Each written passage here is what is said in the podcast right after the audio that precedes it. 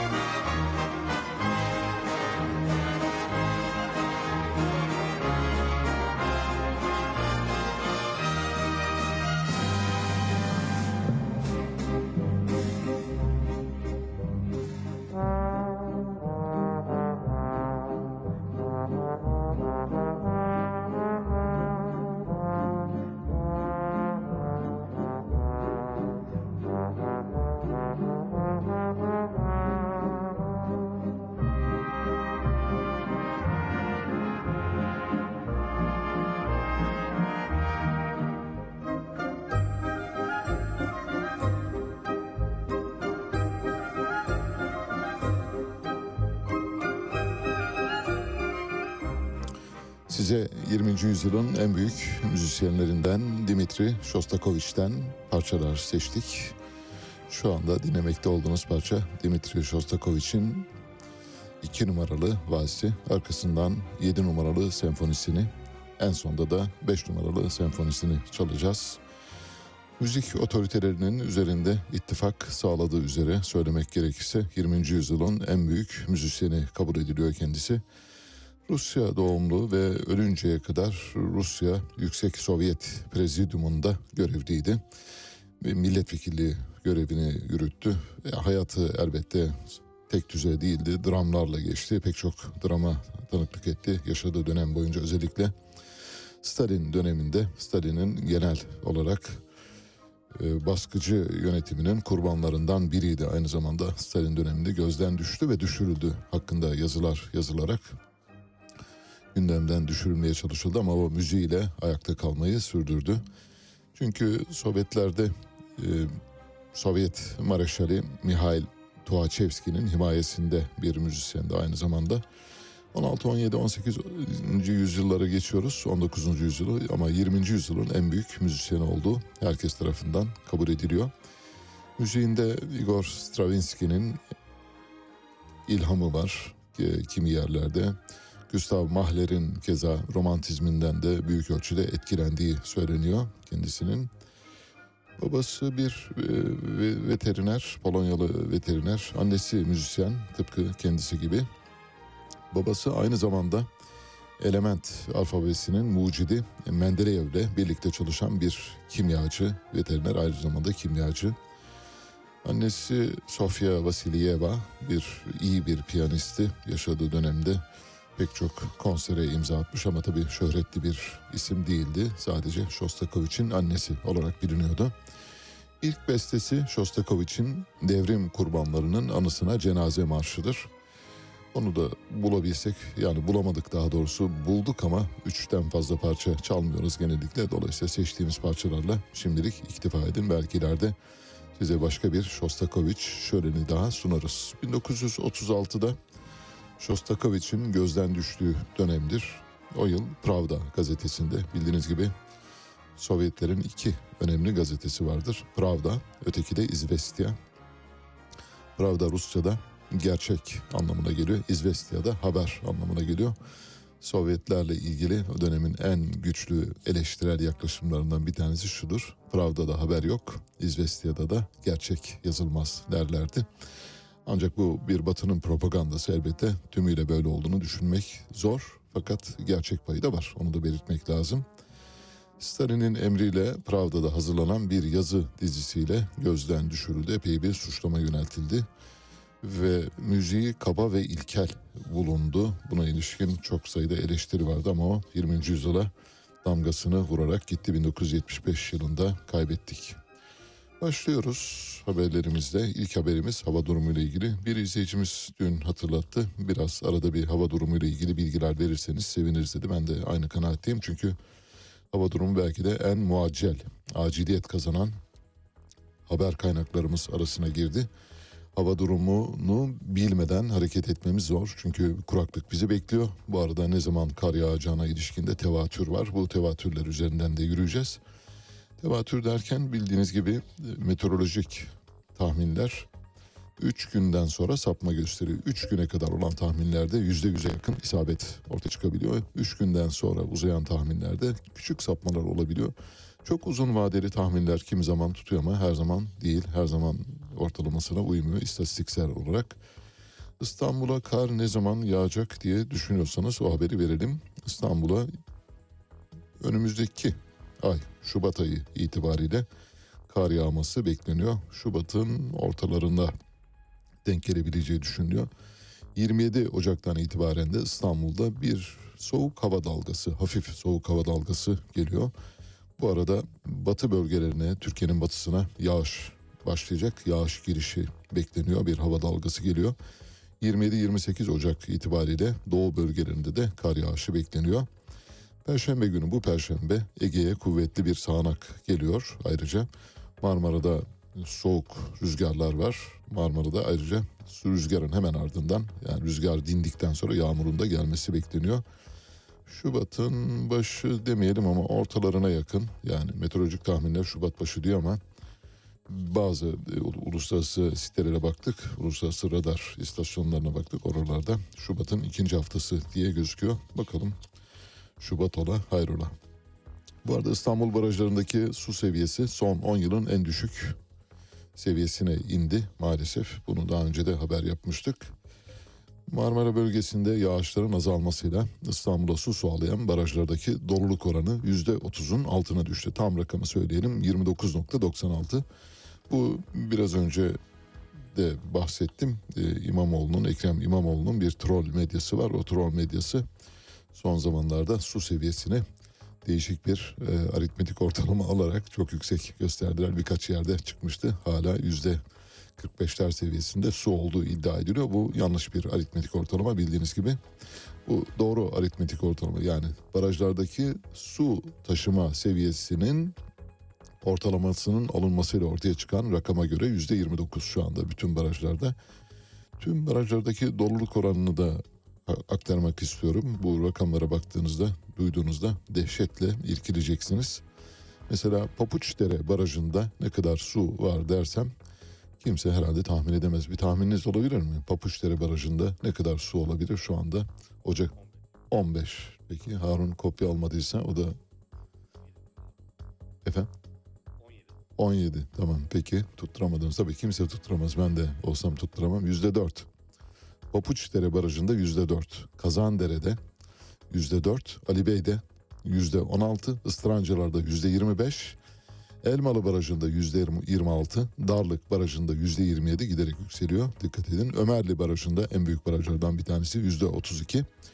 Büyükçekmece Barajı o da en büyük barajlardan bir tanesi yüzde otuz üç. Sazlıdere yüzde otuz beş. Terkos yüzde 36 su seviyesine sahip. Ortalamasının yüzde 29.6 olduğunu hatırlatmış olalım. Susuz günler bizi bekliyor. Gerçekten suyunuzu tasarruflu kullanmanızı tavsiye ederiz. Hepimiz için gerekli bu. Yani siz tasarruf ederseniz başkasına yarar. Siz tasarruf ettiğiniz zaman aynı zamanda size de yaramış olur.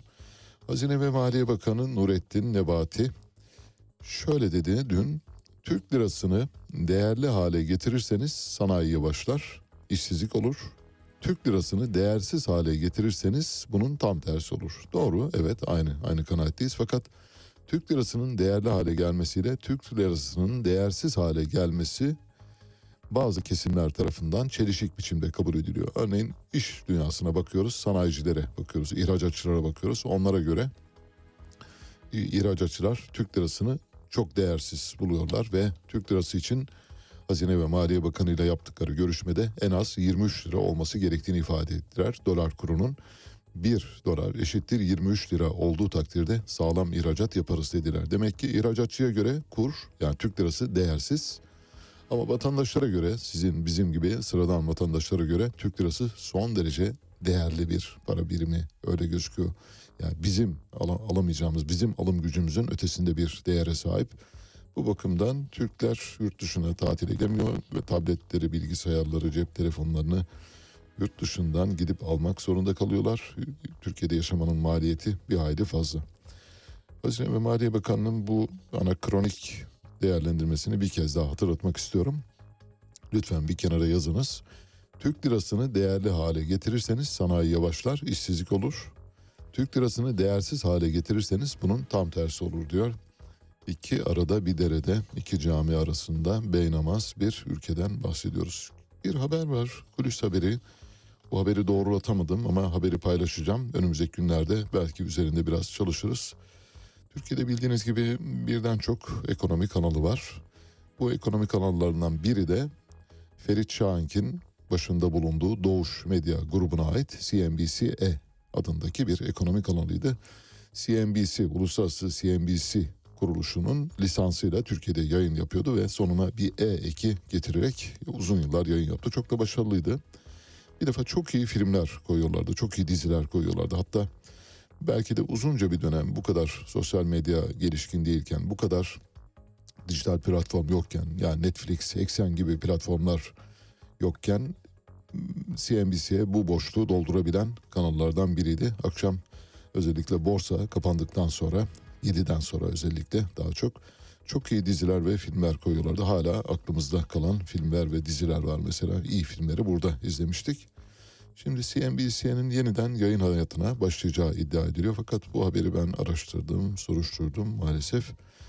Doğru olmama ihtimali var. Sadece CNBC'de geçmişte görev yapmış olan bir gazeteci sosyal medya hesabından, YouTube hesabından CNBC'yi yeniden hayata geçiriyoruz diye bir haber yaptı. Fakat sonra bu haberini de sildi. Dolayısıyla haberi sildiği için haberde bizim gözümüzde hükümsüz kalmıştır. Olursa iyi olur. Türk ekonomi medyasına büyük bir canlılık getirir bence. Zaten bulunduğu dönemde de büyük bir rekabetçi ortam yaratmıştı CNBC'ye. Olursa hayatımıza renk gelir diye düşünüyoruz. Fas Ukrayna'ya T-72 tankları satacak, satmaya karar verdi. Şu anda dünyada bir e, savaş sanayinde ortak pazar haline gelen bir ülke var. O ülkeye Ukrayna diyoruz. Ukrayna şu anda batıdan ya da dünyanın dört bir tarafından şu anda Fas örneğin işte batı bloğunda olmayan bir ülkeden bahsediyoruz. Fas bile Ukrayna'ya tank satışı için kuyruğa girmiş durumda. Herkes Ukrayna'ya elinde ne varsa hurda sınıfına girmeye aday ne kadar savaş malzemesi varsa Ukrayna'ya iteklemeye çalışıyor. Satan satana kimsenin elinde kalmasın diye herkes büyük bir yarış içinde. Yani normal şartlarda birkaç sene sonra hurdaya gitmesi gereken zırhlı piyade taşıyıcıları, obüsler, toplar ve çekili toplar ve tanklar şu anda Ukrayna'ya satılmaya çalışılıyor. Fas da bu kervana katılmış durumda. Almanya zaten yapıyor bu işi, Fransa yapıyor. Batılı ülkeler bir de üstelik de satarken böyle bir nazlanarak satıyorlar. Satmak istiyoruz ama o kadar olmaz. Fazla veremeyiz. En fazla şu kadar olur.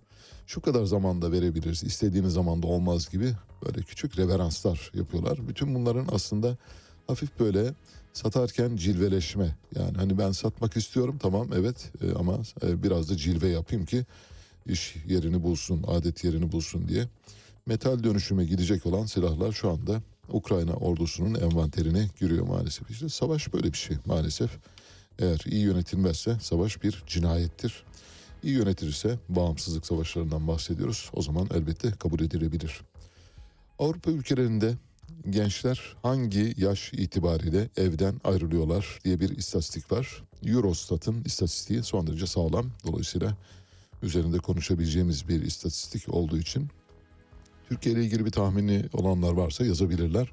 Mesela Türk gençleri yani Türk ailesinin çocukları hangi yaştan itibaren evi terk ediyorlar? Bu bir ortalama tabii. Biliyorsunuz ortalamaya biz e, farklı bir şekilde yaklaşıyoruz. Ortalama ortalamanın kendisini bile yansıtmayan sahte bir kavram. O yüzden ortalama üzerinden yürümüyoruz ama maalesef burada ortalamayı kullanmak zorundayız. Avrupa ülkelerinde en erken olarak evini terk edenler İsveçliler. İsveç'te aileler İsveç, Norveç, Danimarka, Finlandiya. Çocuklar 19 yaşına bulduğu andan itibaren evi terk ediyorlar. Zaten 19 yaşından önce yasal olarak da terk edemiyorlar. Aile, ebeveynlerle birlikte yaşamak zorundalar. İsveç, Norveç, Danimarka, Finlandiya'da 19 civarında. Bazı ülkelerde Fransa'da 23'e kadar çıkabiliyor. Türkiye'yi henüz söylemedim. Sizin tahminlerinizin gelmesini bekliyorum. Mesela Yunanistan gençleri, Yunanistan'daki gençler 30 yaşından sonra aileyi terk ediyorlar. Çekirdek aileden uzaklaşıp kendilerine ait bir ev kuruyorlar ya da bağımsız olarak yaşıyorlar. Keza Hırvatlar da çok geç terk ediyorlar evlerini. 33 yaşından itibaren terk ediyor. Portekizler en geç. Onlar neredeyse 34 yani yaş 35 yolun yarısı derler ya. Hoş gerçi artık yaş 35 yolun yarısı değil yolun üçte biri sayılabilir. Ömür uzuyor. İnsanlar daha uzun yaşayabiliyorlar.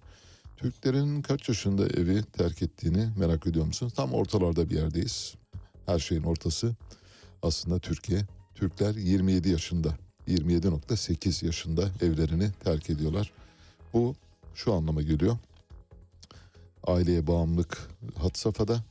Aileden uzak yaşama güdüsü çok fazla gelişkin değil. Birey olabilmek için hem yeterli sağlam kanıta sahip değiller hem de birey olarak tek başlarına yaşayabilmeleri için yeterli koşullar da yok. Maddi koşullar da yok. İkisini bir araya getirdiğim zaman özgüvenden kaynaklanan sorunlar dolayısıyla evi geç terk ediyorlar. Maddi koşullardan dolayı evi geç terk ediyorlar. Yoksa Türk gençlerinin sorunu değil bu. Bu koşulların bize dayattığı bir sorun olarak karşımızda duruyor. Cumhuriyet Halk Partisi İstanbul İl Başkanı Canan Kaftancıoğlu Ekrem İmamoğlu ile aralarında bir polemik var. Bunu biliyoruz. Aralarındaki polemiğin su yüzüne çıktığını da görüyoruz zaman zaman. Hatırlarsanız e, pek çok konuda Ekrem İmamoğlu ile aralarının iyi olmadığı, limone olduğu, böyle hafif şeker renk olduğuna dair haberler çıkıyor. Bunları mesnetsiz haber olarak görmüyoruz elbette. Ancak onlar da kendi aralarında mikrofon uzatıldığı vakit bu kavgayı çok fazla su yüzüne çıkarmak istemiyorlar. Canan Kaftancıoğlu dün şöyle dedi.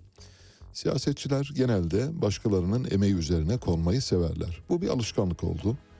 İstanbul seçimlerinin mimarı CHP Genel Başkanı Kemal Kılıçdaroğlu'dur. Bildiğiniz gibi seçimlerde büyük bir başarıya imza attığı belirtiliyor. Ben de aynı kanaatteyim. Canan Kaftancıoğlu iyi bir il başkanı Cumhuriyet Halk Partisi için ve İstanbul seçimlerinin kazanılmasında çok büyük paya sahip. Bu payı tabii bir porsiyon haline getirip paylaştırmak istemiyorum. Şu kadarı Kemal Kılıçdaroğlu'na, bu kadarı Ekrem İmamoğlu'na, bu kadarı Canan Kaftancıoğlu'na, bu kadarı Onur Ere diye böyle ayırmak istemiyorum ama herkesin bir payı var. Burada Canan Kaftancıoğlu'nun payı büyük. Bu yüzden e, seçimin kralı ya da seçimlerin mimarı ifadesinin yalnızca Kemal Kılıçdaroğlu'na ait olduğunu söylüyor. Biz de aynı kanaatteyiz. Kemal Kılıçdaroğlu bir defa İyi Parti'yi parlamentoya sokarak orada büyük bir siyasi manevra geliştirerek İyi Parti ile ittifakın yolunu açmıştır. Bugün gelinen noktada eğer hala Millet İttifakı bir büyük güç, bir temerküz merkezi olarak karşımızda duruyorsa bunda Kemal Kılıçdaroğlu'nun çok büyük payı vardır. Ekrem İmamoğlu ile Canan Kaftancıoğlu'nun arasındaki mesele başka. Onların kişilik e, meselesi ya da siyasi iktidar meselesi. Koltuk kapma savaşına kadar gidebilecek. Birbirlerini hiç sevmedikleri ortada biliyoruz ancak birbirlerini sevebilmeleri için bizim yapabileceğimiz bir şey yok. O yüzden bitirdik bu haberi de. Voleyboldan bir haber vereceğim. Çok hoş bir haber. Ben çok beğendiğim voleybol oyuncularından bir tanesi. Naz Akyol. Naz Aydemir Akyol. Naz Akyol voleybol milli takımımızın önemli oyuncularından biriydi. Çok müthiş bir oyuncu. Naz Akyol eşi de Cenk Akyol eşi de bir basketbolcu. Basketbol milli takımında görev yapıyordu ve çok e, yetenekli bir oyuncu. Bir gün geçmişte yani böyle tevatür olmasın ama ve bunun yakın kulisine de sahibim. O bakımdan rahatça söyleyebilirim. Ben dedikodu ötesi bir durum bu. Hem Naz Aydemir Akyol hem de eşi, kocası Cenk Akyol birdenbire aynı dönemde ve neredeyse aynı zaman diliminde biri voleybol milli takımından kesildi, öteki de basketbol milli takımından kesildi. Arkasında yatan sebebi merak ediyor musunuz? Evet, ediyorsanız söyleyelim. Her ikisi de sola meyyal yani sol görüşlü. Cumhuriyet Halk Partili demeyelim ama çok solda ve düşündüklerini söyleyen e, bir çift ve ben çok saygıyla karşılıyorum. İkisi de çok güzel insanlar. Şimdi Naz Aydemir Akyol yeniden doğuşu yani küllerinden doğuyor. Milli takıma gider mi gitmez mi bilmiyoruz. Milli takıma tekrar çağırırlar mı çok emin değiliz. Çünkü milli takımda başka bir yapılanma var. Orada kestiler karı kocayı ikisini birden. Fakat Naz Aydemir Akyol hani derler ya altın çuha içinde de bellidir, çamur içinde de bellidir. Öyle bir cevher olduğu için şimdi Eczacıbaşı'nın as kadrosu arasına dönüyor. Kendisi zaten Eczacıbaşı'nın altyapısından yetişme. Önümüzdeki sezonda yani içinde bulunduğumuz sezonda Naz Aydemir Akyol Eczacıbaşı'nın kadrosuna geçiyor. Ve Eczacıbaşı'nın ilk e, kurucu daha doğrusu takıma ilk e, sahaya ilk çıkan ekibinde yer alacak bundan böyle. Ve Naz Aydemir Akyol kimle oynayacak söylüyorum size. Boskoviç'le birlikte oynayacak. Boskoviç Avrupa'nın en iyi smaçörlerinden birisi ve müthiş bir ikili oluşturacaklar. Ben bugünden Eczacıbaşı'nın şampiyon olduğunu görebiliyorum bu resme bakarak. Bir basketbol haberi daha verelim öyle noktalayacağız. Obradovic, Obradovic bir basketbol tanrısı. Olimpos Dağı'ndan gelmiş ama böyle vaktini aşağıda geçirmek istemeyen bir adam gibi. Türkiye'de pek çok takımı çalıştırdı. Müthiş bir koç, olağanüstü. Gerçekten e, yetenekli bir koç. Sonra Türkiye'yi terk etti ve Türkiye'deyken maçlarda ve özellikle molalarda Obradovic hep böyle kıpkırmızı bir suratla görürdünüz. Sürekli öfkeli, sürekli bağıran, sürekli ona buna seslenen. Yani çemkiren demeyelim ama çünkü çemkirmek başka bir anlama geliyor. Gerçekten böyle sinirli ve kıpkırmızı oluyordu. O, olağanüstü kendini çok kaptırıyordu. Bunu sordular. Dediler ki Obradovic'e yani çok kızıyorsunuz futbolculara, basketbolculara. Neden oyuncularınıza? Şunu dedi. Çok güzel okuyorum. Diyor ki birine kızmam demek bunu düzeltebilirsin. Sana inanıyorum demektir. Eğer birine kızmıyorsam o iş bitmiştir diyor. Yani bir sebebi var. Eğer birine çok öfkeleniyorsam ya kardeşim ben senden öyle şeyler bekliyorum ki senin bunları yapabileceğini biliyorum zaten ama sen bunu yapmıyorsun çünkü bunu yapmamak için direniyorsun. Oysa bunu yapmak için biraz çaba göstersen çok üstesinden gelebilirsin demek istiyor. Koçların genel yaklaşımı da bu. Aslında pek çok çok böyle saha kenarında çok sinirli olan koçlar biraz da bu haleti ruhu ile hareket ediyorlar. O yüzden Kral Obradovic'i, tanrıların tanrısı, basketbol tanrısı Obradovic'i buradan selamlıyoruz. Dünyanın en obez ülkeleri belli oldu. Bu da bir Eurostat çalışması. Aynı zamanda Our World in Data adlı bir kuruluşun çalışması. Tahmin edeceğiniz gibi Türkler obezite konusunda dünyanın önde gelen ülkelerine tur farkıyla bindirmiş ve yarışı önde götürüyorlar. Gelişmiş olan ülkelerin bile önündeyiz. Yani en gelişmiş olan ülkeler ligindeyiz obezite bakımından. Ancak ekonomik gelişmişlik bakımından ortaların çok altındayız. Aşağı lige doğru gidiyoruz. Veriler şöyle. Our World in Data'nın verilerine göre 2016 yılında dünyanın dört bir yanındaki 195 ülkeden alınan rakamlar derlendi. Ve veriler dünyadaki yetişkinlerin üçte birinden fazlasının veya yüzde 39'unun aşırı kilolu ya da obez olduğunu gösteriyor. Yani her e, 100 kişiden 39'u ya da her 10 kişiden 4'ü diyelim obez dünyada yaşayan. Rakamlara göre İngilizler yüzde 64 İngilizlerde obezite yüzde 64 dünyanın en obez ülkeleri arasında gösteriliyor İngilizler. Amerikalılar onlardan daha obez. Amerika'da yüzde 68. Her 100 Amerikalıdan 68'i obez maalesef. Peki Türkiye kaç derseniz Türkiye Amerika ile İngiltere'nin arasında bir yere yerleşmiş durumda. Gelişmişlik seviyesi olarak eğer alırsak Türkiye Amerika'dan hemen sonra geliyor. Türkiye'de obezite yüzde 66. Amerika kaçtı? 68. İngiltere yüzde 64. Tam ortada bir yerde duruyoruz. Türkiye'nin obezite insidansı, yaygınlığı bundan kaç yıl önce diyelim 75 55 yıl önce 55 yıl önce yüzde 34'tü. Tam tamına ikiye katlanmış durumda. İki katına gelmiş bir obeziteden bahsediyoruz. Bu Türkiye'de ne kadar sağlıksız beslenildiğinin kanıtlarından bir tanesi. Türk halkı maalesef hem yanlış beslenme alışkanlıkları dolayısıyla hem de yanlış yönlendirilmiş olmalarından kaynaklanan sebeplerle hem de ekonomik koşullar yüzünden maalesef Cihan Koli var. Ekmek Üreticileri Sendikası Başkanı ne demişti? Rizeli Cihan Koli var. Ekmek aptal insanların gıdasıdır demişti. Cezaevine girdi. Zor kurtardı. Paçayı kurtardı ama iyi U dönüşü yaptı. Onu söyleyelim. Kendini kurtardı. Dediği doğru. Türkler maalesef kötü besleniyorlar ve beslenme ana kaynaklarımızdan bir tanesi de karbonhidrat yani ekmek ve benzerlerini yiyoruz maalesef. Ucuz olduğu için onu tüketiyoruz. Artık ekmek de ucuz değil. Simit Ankara'da dün itibariyle 7 liraya çıktı.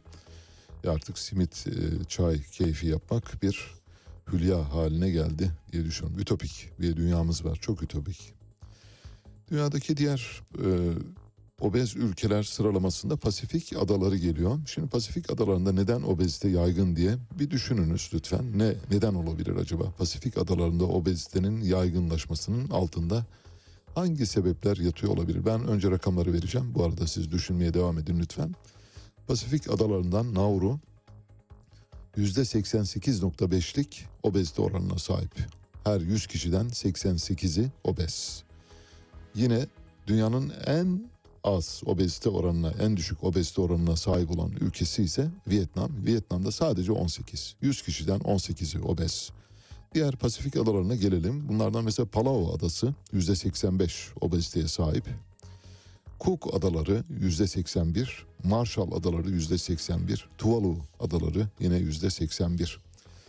İlk onda listenin devamında Kiribati adası var, Tonga adası var, Samoa adası var ve Mikronezya adası var. Bunların hepsi Atlantik Pasifik adaları daha çok Pasifik adaları. Neden olduğunu tahmin edebildiniz mi? Şöyle bir makale okumuştum geçmişte. Sağlam bir makale, Lancet'te yayınlanan bir makale. Amerika Birleşik Devletleri'nde biliyorsunuz Şükran Günü yapılır. Şükran Günü'nde ne yapılır? Hindi kesilir değil mi? Hindi kurban edilir ve hindi eti yenir. Hindiler aşırı yağ bağlama dönemlerinde genellikle ya işte kışa doğru girerken hayvanlar, bütün hayvanlar, insanlarda da öyle bir yağ dokusu artışı olur. Çünkü bir koruma refleksidir bu. Hindiler aşırı yağlanıyorlar ve Amerikalılar bu aşırı yağlı hindileri yemiyorlar. Hindilerin dış kabuğu iç kas dokusuna kadar olan bölümünü ayırıyorlar. Yani karkas hale getiriyorlar. Bu yağlı tabakayı sözünü ettiğimiz bu dünyanın en obez ülkeleri var ya sayıyorum mesela Kiribati, Tongo, Samoa Adası, Mikronezya Adası, Tuvalu, Cook Adaları, Marshall Adalarında yaşayan halka hamburger olarak gönderiyorlar. Nasıl? Gidiyorsunuz mesela adalarda hamburger yiyor. Çok lezzetli bu arada onu söyleyelim. Ama işte sadece yağdan oluşan yağ içinde bir miktar et olan hindi eti olan bir şeyden bahsediyoruz. McDonald's ve Burger King bu yolla orada tabii ucuza satılıyor bunu da belirtelim. Yani ucuza hamburger üretmenin yöntemlerinden bir tanesi. Adalı, adalı insanlar da bunları çok tükettikleri için aşırı yağlı hindi etinden yapılmış, üretilmiş hamburgerleri löp löp götürdükleri için maalesef obezler. Büyük bir obezite var ve bu insanları tehdit ediyor. Tabii küçük ada ülkeleri dolayısıyla hani ölse de ölür falan diye düşünülüyor herhalde. Çünkü insanların genel olarak insanlığa bakış açısı bundan ibarettir. Bir kemiyet olarak bakıyorlar. Bir araştırma var bu da çok önemli. Eğer antidepresan kullanıyorsanız bugünden sonra antidepresanlara karşı biraz daha mesafeli olmanızı tavsiye ederiz. Bilimsel bir araştırma ve dünyanın ünlü önde gelen Nöropsikofarmakoloji dergisinde yayımlandı. Bir e, otorite dergisidir bu. Bu derginin araştırmasına göre bu arada çok uzun süren bir gönüllü araştırması var. Onun sonucunda ampirik bir değerlendirme sonucu ortaya çıkıyor. Irish Examiner'ın haberine göre mutluluk hormonu olarak bilinen ve beyindeki sinir hücreleri arasında iletişimi sağlayan serotoninin daha fazla salgılanmasını sağlayan antidepresanların insanların eylemlerinden ve çevrelerinden ders aldıkları pekiştirmeli öğrenme sürecini olumsuz etkilediği belirlendi. Ne demek istiyor? Çok karmaşık yazılmış. Şunu söylüyor. Eğer depresyonda olduğunuzu biliyorsanız ve doktorunuz da size bir antidepresan vermişse bu antidepresanı kullanarak aslında serotonin salgılanma hızını ve periyodunu ve miktarını düzenliyorsunuz. Daha fazla salgılanmasını sağlıyorsunuz. Fakat fazla salgılanan serotonin bir süre sonra işinize yaramaz hale geliyor. Pekiştirmeli öğrenme sürecini olumsuz etkiliyor. Hafızada kimi zaman küçük sorunlar yaratıyor. Bu yüzden de antidepresan kullanımının uzun vadede serotonin salgılanmasına olumlu katkısı olmakla birlikte serotonin salgılanma sürecini bozuyor. Oradaki sekansı bozuyor. Bu sekans bozulduğu için de kimi zaman çok salgılanıyor. Mesela hiç ihtiyacınız olmayan zamanda bak bakıyorsunuz böyle foşur foşur serotonin geliyor. Çok ihtiyacınız olduğu zaman da serotonin gelmiyor. İşte onun sonucu bu. Bu yüzden çok dikkatli kullanmak lazım. 66 gönüllünün katıldığı çalışmada 32 kişiye 21 gün boyunca antidepresan veriliyor. Geri kalanlara da kör metodu uygulanıyor biliyorsunuz. Plasebo veriliyor. Yani içinde herhangi bir şey olmayan haplar veriliyor. Ve sonuçta ortaya şöyle bir rapor çıkıyor. Süreç sonrasında kendilerinden kişisel bildirim raporu doldurmaları isteniyor katılımcılardan. Antidepresan kullananların diğerlerine kıyasla olumlu veya olumsuz tepkilerinin azaldığı gözlemleniyor. Ne demek bu? Olumlu ve olumsuz. Antidepresan kullanıyorsunuz, olumlu tepki almanız lazım. Hayır, olumlu tepki alamıyorsunuz. Olumsuz tepki almanız gerekiyor, onu da alamıyorsunuz. Dolayısıyla antidepresan kullanınca bir tür aslında hormon salgılanma sistemini iyiliş ediyorsunuz, paralize hale getiriyorsunuz. Bu yüzden de faydası yok. Uzun vadeli kullanımdan bahsediyoruz elbette. Ben bendeniz hekim değilim ama yani okuduklarım bana öyle söylüyor. Bir şeyi çok uzunca bir süre kullanmaya ya da yapmaya devam ederseniz o şey sizin için zararlı bir alışkanlığa dönüşebiliyor. Bu yüzden kararında yerinde zamanında falan kesmek lazım. İşte depresyona girdim içinden çıkamıyorum ve o zaman ilaçlara başvurayım demek bir çözüm yolu değil. Bu bir kaçıştır. O yüzden o kaçış yolunu denemeyiniz. Araştırmanın başındaki heyetin başkanı olan Cambridge Üniversitesi Psikoloji bölümünden Profesör Doktor Barbara Sahakyan duygusal körelmenin antidepresanların yaygın bir yan etkisi olduğu değerlendirmesinde bulunuyor. İşte biraz önce sözünü ettiğimiz bu olumlu ve olumsuz tepkilerin azalması duygusal körelme anlamına geliyor. Antidepresanlar yaşayan insanların hissettikleri duygu ve acının bir kısmını götürüyor ama ne yazık ki keyif alma duygusunu da götürüyor. Antidepresanı aldığınız zaman bir silgi işlevi görüyor. Alıyorsunuz, siliyorsunuz, her şeyi siliyorsunuz. Diyorsunuz ki eteğimde ufak bir leke var. Ben bunu bir e, halledeyim. Koyuyorsunuz eteği işte olma, olmaması gereken bir derecede yıkıyorsun. Sonra etek de ortadan kayboluyor. Buna dönüşüyor. Bu yüzden çok idareli, doğru ve hekimin tavsiyesinden çıkmadan kullanmak lazım. Çok sıkça da başvurmamak lazım. Bir de tabii ilaçların kurtarıcı ve ilaçların her şeyin çaresi olduğu ile ilgili bir kanaate sahipseniz bu da çok yerinde bir şey değil. Ee, psikolojide ya da psikiyatride ilaçsız tedavi diye bir ekol var. Bendeniz bu ekolü bilen, uygulayan e, hekimlerden birkaçını tanıyorum. E, Hacettepe Üniversitesi'nden Profesör Doktor Leyla Zireli sanıyorum hayata veda etti. Eğer yaşıyorsa uzun ömürler diliyorum. Çok yaşlıydı zaten. O mesela e, psikiyatri, Hacettepe Psikiyatri Kliniğinde ilaçsız tedavi yaklaşımını seçen e, öğretim üyelerinden biriydi. Mümkün olduğu kadar yani ilaç en son çare. Hani hasta mesela kendini hiç iyi hissetmiyor ve buna yapacak hiçbir şey yok ve akut bir e, durum söz konusuysa bu durumda olabilir diyor. Fakat bunun dışında e, başım ağrıyor hadi ver, e, işte dişim ağrıyor hadi ver, işte kulağım ağrıyor hadi ver, işte kafam zonkluyor hadi ver gibi yaklaşımlara girilmemesi gerektiğini söylüyor. Mümkün olduğu kadar terapötik yöntemlerle yani psikoterapitik yöntemlerle psikoanalitik yöntemlerle tedavi edilmesi gerektiğini savunuyorlar. Ben denizde bu görüşe yakınım. İlaç kullanmamaya özen gösteriyorum. Neyse işin o kısmını geçelim. O bendenizle ilgili bir bölüm. Yani benim hayatım sizin hayatınız değil. Dolayısıyla kendi hayatımdan örnek vererek sizin hayatınızı yanlış yönlendirmiş olmayayım. Bilim insanları bir başka araştırmaya geçiyoruz. Güzel bir araştırma bu da. Bazı insanların beyinlerinin neden çok kıvrımlı ve bazılarının neden daha az kıvrımlı olduğundan yola çıkarak bir araştırma yapmışlar. Bu bir Sputnik Türkiye haberi. Beyin kıvrımlarının aşırı olması, çok kıvrım kıvrım olması kişilerde nörolojik olarak geç gelişime yol açıyor. Epilepsi, konuşma güçlüğü gibi sorunlara yol açıyor. Bilim insanları bazı insanların beyninin neden daha kıvrımlı olduğunu araştırıyorlar ve buluyorlar. Amerika'da Kaliforniya San Diego Üniversitesi'nde yapılan bir araştırmada polimikroji adı verilen insan beyninde kortikal kıvrımlar ve küçük oluklar oluşmasına neden olan nörolojik hastalıklara sebep olan bir protein bulunuyor. Sebep olan bir protein var, sebepsiz değil. Kıvrımlı bir yapıya sahip beynin en üst katmanında bulunan serebral korteksi oluşturan çıkıntılı katmanlara girus, oluklara da sulcus deniyor. Beynin bu bölümü hafıza, düşünme, öğrenme ve duygusal kontrole kadar birçok sorumluluğu da üstleniyor. Polimikrojik durumda beyinde giruslar normalden daha fazla üst üste yığılıyor ve kalın bir korteks oluşuyor. Dolayısıyla bu kalın korteks nedeniyle de algılama bozuluyor. Bu yüzden de konuşma güçlüğü ve epilepsi başta olmak üzere pek çok şeyler ortaya çıkabiliyor. Tedavisi var mı? Var. Evet.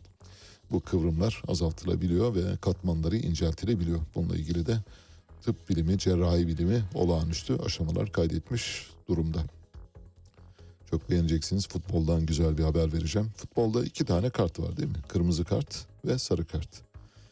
Futbolda bir de beyaz kart var ve uzunca bir süredir uygulanmayan beyaz kart 2014'ten bu yana tartışılıyor bu arada. Beyaz kartın mucidi de UEFA eski başkanlarından Michel Platini. Yolsuzluktan dolayı hakkında çok sayıda dosya bulunan Michel Platini'den bahsediyoruz. Fransız milli takımının beyni, kaptanı, her şey olan Platini, efsanevi Platini bir beyaz kart olsun diyor. Beyaz kart hangi durumlarda kullanılır diye düşünüyorsanız onunla ilgili ilk örnek dün ortaya çıktı. Sporting Lisbon'la Benfica arasındaki kadın futbol takımları arasında bir maç sırasında hakem bir ara yedek kulübesine kadar gitti ve orada bir beyaz kart çıkardı. Beyaz kart şu anlama geliyor. Eğer bir oyuncu ya da bir e, taraftar ya da bir e, yedek kulübesindeki bir teknik adam hatta ve hatta saha görevlisi, malzemeci, top toplayıcı aklınıza kim geliyorsa eğer hakem bu kişinin davranışından dolayı çok hoşnut kaldıysa hemen gidiyor karşısına tak diye beyaz kartı çıkarıyor. Diyor ki seni tebrik ederim. İyi ki buradasın. iyi ki hayatımızdasın. Dün işte ilk defa Benfica Sporting Lisbon kadın futbol maçında bir böyle beyaz kart çıktı ve herkes e, çok şaşırdılar ilk defa. Hakem bunu tabii açıklamak zorunda kalmadı çünkü biliniyor kartın anlamı. Sadece bugüne kadar hakemlerin çok fazla başvurmadıkları bir kart olduğunu biliyoruz. Beyaz kart Portekiz futbolunun son dönemde farkındalık yaratmak adına hayata geçirdiği bir uygulama. Bu doğrultuda saha içinde futbolcular teknik heyet ya da müsabaka görevlileri fair play anlayışına uygun bir harekette bulunmaları halinde mücadelenin hakemi beyaz kartla kendilerini ödüllendiriyor. Buluşun sahibi de Michel Platini. Hayvan Hakları Derneği'nde hayvan dövüştürülür mü? Evet. Eğer burası Türkiye ise olur. Türkiye'de ise başka bir ülke ise olmayabilir. Manisa'nın Sarıgöl ilçesinde Manisa Hayvanları, Çevreyi ve Doğayı Koruma Derneği'nde horoz dövüşü yapıldığı bilgisine ulaşıyor jandarma ekipleri. Baskın yapıyorlar. 21 çeşitli yerlerinden yaralanmış horoz buluyorlar. Dernekteki 135 kişiye toplam 547 bin lira para cezası kesiyorlar. Onucum bir bölebilir misiniz? 547 bölü 135 adam başı kaç para vermişler? Yani hayvanların her birinin ne diyelim yani gagasına değmez. İşte böyle şeyler var. Hazırsanız bir özel haber vereceğim. Patenti bendenize ait bir haber. 4 4 e, 4 bin lira mı? 4 bin lira. Evet, evet 4 bin lira. Adam başı 4 bin lira. İyi bir horozdan pahalı. Peki. Şimdi küçük bir ara yapalım. O aradan sonra bir özel haber paylaşacağım. E, bu tabii herkesi ilgilendiriyor. Bütün kamu çalışanlarını ilgilendirdiği için herkesi ilgilendiren bir haber. Patenti dediğim gibi bendenize ait. E, zaten süreç Osman Kavala'nın tutukluluğunun sürdürülmesi üzerine kurulmuş. Aynen. Bu tutukluluk devam etmesi için hukuka karşı verilen bir mücadele haline girmiş durumda. Merkez Bankası'nın son aylarda izlemiş olduğu para politikası doğrudan enflasyonda bu sıçramaya yol açtı. E, yani ve de, devamı da gelecek. Ülkeyi aslında öyle yönetiyorlar ki adeta koca bir survivor oyunu gibi. Bugün için önemli olan husus Türkiye'de bu sistemin değişmesidir. Bu sistem yani Cumhurbaşkanlığı hükümet sistemi Evet. maalesef uygulama aşamasında kağıt üzerinde durduğu gibi durmadı. Ali Çağatay'la Seyir Hali hafta içi her sabah 7 ile 9 arasında Radyo Sputnik'te. Evet sizin için birkaç küçük e, dosya çalışması da yaptık. Onları da yeri gelmişken söyleyelim. Saat 8'den sonra başlayacak dosya çalışmaları. Bir tanesi bugün 24 Ocak kararlarının yıl dönümü. 24 Ocak biliyorsunuz ekonomik istikrar tedbirlerinin hayata geçirildiği dönemdir. 24 Ocak 1980 yılında hayata geçirildi ve Süleyman Demirel başbakandı. 24 Ocak kararlarının sağlıklı işleyemeyeceği belli oldu. 24 Ocak kararlarının patenti Amerika Birleşik Devletleri'ne, Batı liberalizmine ait. Batı liberalizmi o güne kadar içine kapalı bir ekonomi olan Türkiye'nin artık kabuğunu kırıp dışarı çıkması gerektiğini düşünüyordu. Bu yüzden de Türkiye'ye dayatılan bir reçete vardı. Bu reçetenin kaynağının eğer radyomuzu dikkatle ve uzun zamandır takip edenler varsa kaynağının neresi olduğunu biliyorsunuz. Dünyada bir sistem var. Hiçbir şey tesadüfi yürümüyor. Her şey bir paylaşımla ilgili, her şey bir plan doğrultusunda yürüyor. Uluslararası alanda bir ülke herhangi bir konuda öne çıkıyorsa bu o ülkeye verilen rolle ilgilidir. Bu rol de birileri tarafından veriliyor, takdir ediliyor o rol. Amerika Birleşik Devletleri sizi örneğin bölgenin jandarması yapmışsa bu Amerika'nın takdiridir. Amerika Birleşik Devletleri sizi Suriye üzerinde baskı kurmaya aday bir ülke olarak tayin etmişse bu Amerika'nın takdiridir. Siz sadece orada görevlisiniz. Bu durumda 24 Ocak kararları Batı liberalist cephesinin ve Soğuk Savaş döneminde Batı'nın daha fazla yanına çekilmesi ve bir anlamda borç içinde yüzdürülerek muhtaç hale getirilmesiyle ilgili bir sürecin başlangıcıdır. 24 Ocak Türkiye'nin bugün içinde bulunduğu durumun aslında ilk kıvılcımıdır. Eğer o kıvılcım çakılmamış olsaydı bugün belki bu halde olmazdık. Daha iyi bir ülke olabilir miydik bilemeyiz. Daha kötü bir ülke olabilir miydik? Hayır bundan daha kötü olamayız. Yani bundan daha kötü olamamamızın sebebi 24 Ocak kararlarıdır. 24 Ocak kararları sırasında 24 Ocak kararlarını Türkiye'ye deklare ettiler. Bildiğiniz gibi 24 Ocak kararları öncesinde Türkiye'de bütün e, kambiyo sistemleri kapalı bir ülke özgüydü. Örneğin cebinizde dolar bulunduramazsınız, e, kur alışverişi yapamazsınız. Pek çok şey vardı. Ekonomi libere değildi. İhracat ithalatta pek çok kısıtlamalar vardı. Bir dışa açık bir ekonomi değildik. Bizi birdenbire dışa açmaya karar verdi Batı. Çünkü Türkiye büyük bir pazardı ve bu pazarı sömürmek istiyordu. İşte sömürmek için 24 Ocak kararlarını bize dikte ettirdiler. Kim tarafından? IMF ve Dünya Bankası tarafından. IMF ve Dünya Bankası öncülüğünde Amerika Birleşik Devletleri'nin perde gerisinde yaptığı bu teklif Türkiye'de çok fazla kabul görmedi. Demirel bile, Süleyman Demirel bile gönülsüz biçimde bu işe onay vereceğini söyledi. Bunun üzerine Süleyman Demirel'e bir tane yardımcı buldular. Kim olabilir bu yardımcı? Tahmin edebilir misiniz? Turgut Özal. Süleyman Demirel'in müsteşarı Turgut Özal ve 24 Ocak kararlarını uygulamak üzere iş başına getirilmiştir. Bakın sürece bakın şimdi. 24 Ocak kararları için düğmeye basılıyor. Süleyman Demirel gönülsüz. Süleyman Demirel'e sen kenara çekil biz başka bir adam bulduk o adam yapacak sen sadece işe onay ver o kadar gerisine karışma dediler Turgut Özal'ı getirdiler. Turgut Özal geldi arkasından 12 Eylül'de darbe oldu askeri darbe oldu.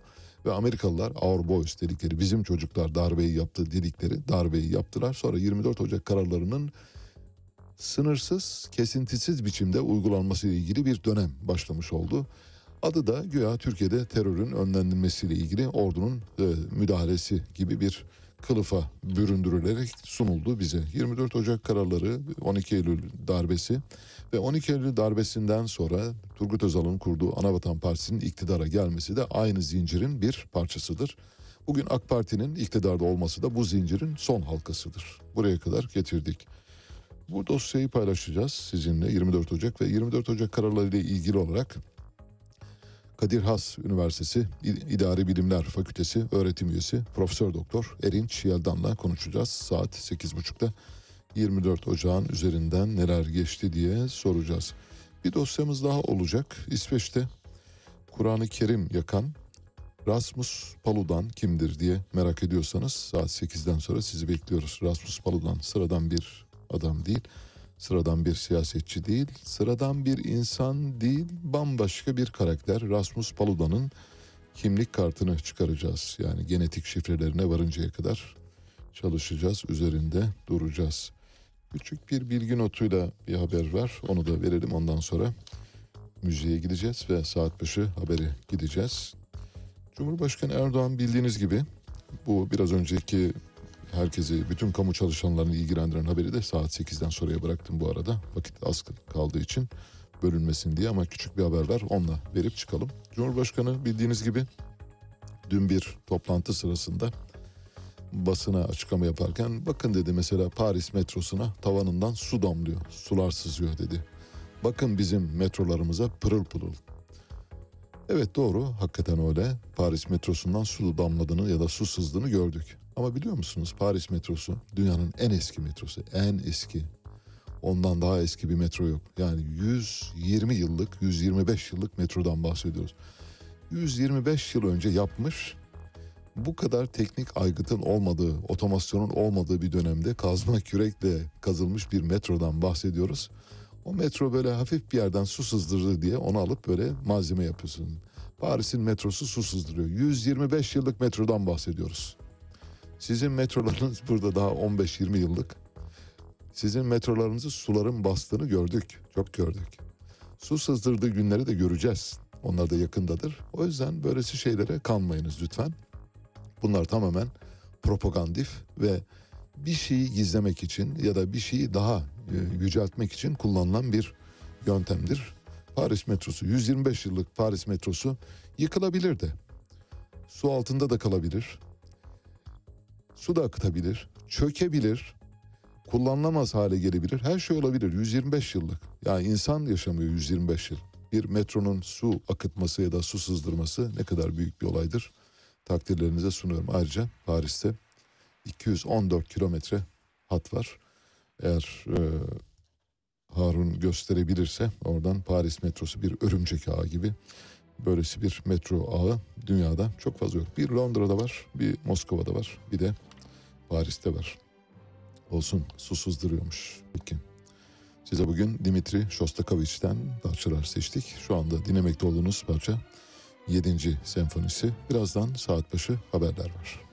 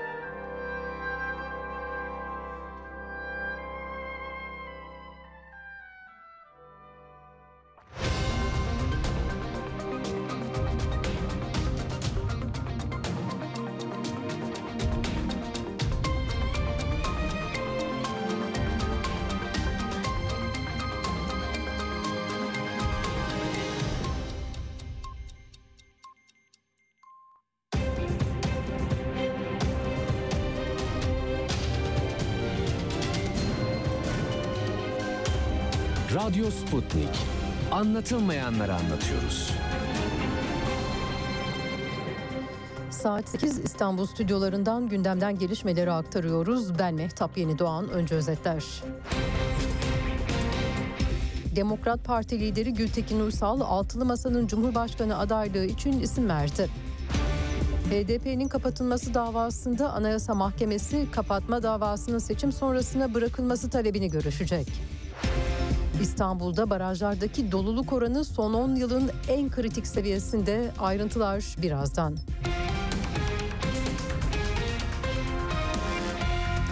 Cumhurbaşkanı Recep Tayyip Erdoğan kabine toplantısının ardından Cumhuriyet tarihinin en kapsamlı borç yapılandırma paketini açıkladı. Buna göre vergi borcu cezaları kalkacak, taksitli ödeme imkanı getirilecek. Ayrıca 2000 liraya aşmayan icralık durumdaki borçlar ve trafik ceza puanları silinecek.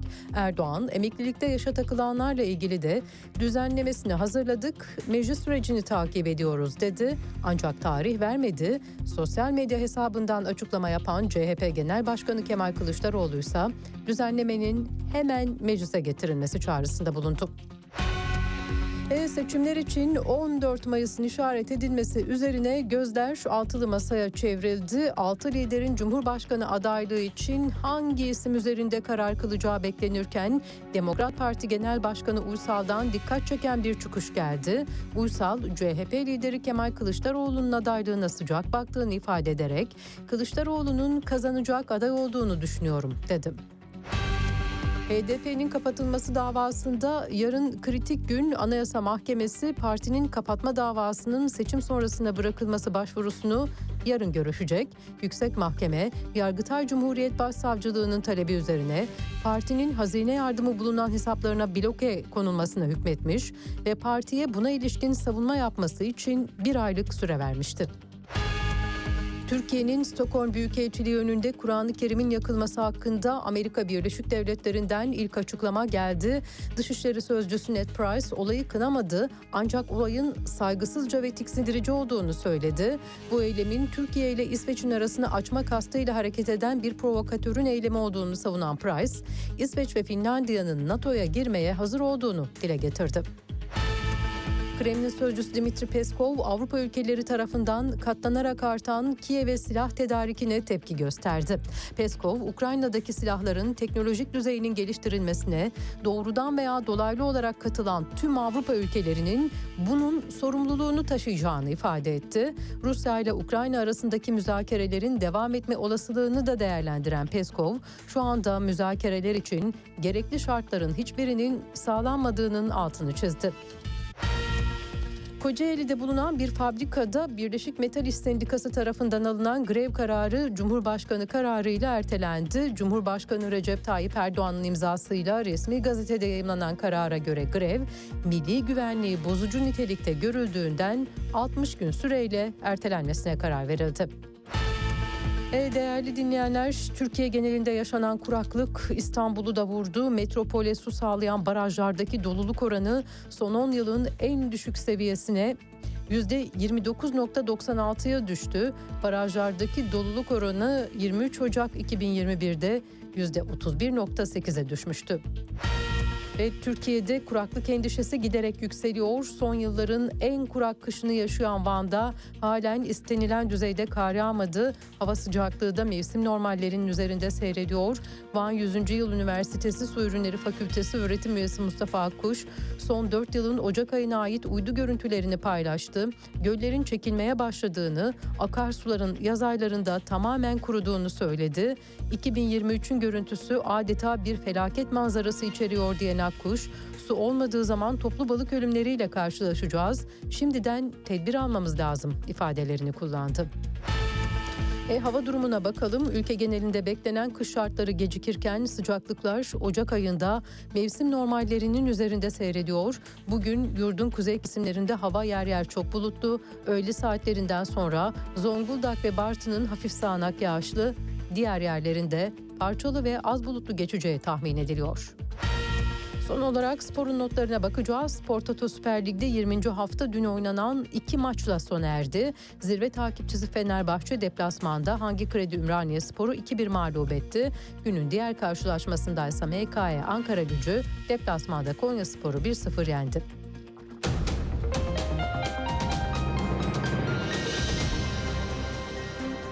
Haberleri sunduk. Gelişmelerle tekrar birlikte olacağız. Hoşçakalın. Radyo Sputnik 5 merkezden karasal yayında. İstanbul 97.8, Ankara 96.2, İzmir 91, Bursa 101.4, Kocaeli 90.2. Karasal yayınlarımızın olmadığı yerlerde ise tr.sputniknews.com adresinden iOS ya da Android mobil cihazınızdan Sputnik News uygulamasını indirerek dinleyebilirsiniz. Radyo Sputnik. Anlatılmayanları anlatıyoruz. Havadan, sudan, karbon ayak izinden, yeşil mutabakattan, dünyanın yeni mottosuna uzanan, bugünden geleceğe bakan, soran, soruşturan, sorgulayan program. Olana bitene farklı bir gözle bakmak isteyenler için Meliha Okur'la Anlat Bana her pazartesi ve çarşamba saat 15'te Radyo Sputnik'te. Son dakika haberleri, canlı yayınlar, multimedya ve daha fazlası Sputnik Haber Ajansı'nın web sitesinde. Dünyanın küçük bir parçasını değil, tamamını anlamak istiyorsanız sputniknews.com.tr'yi tıklayın, habersiz kalmayın.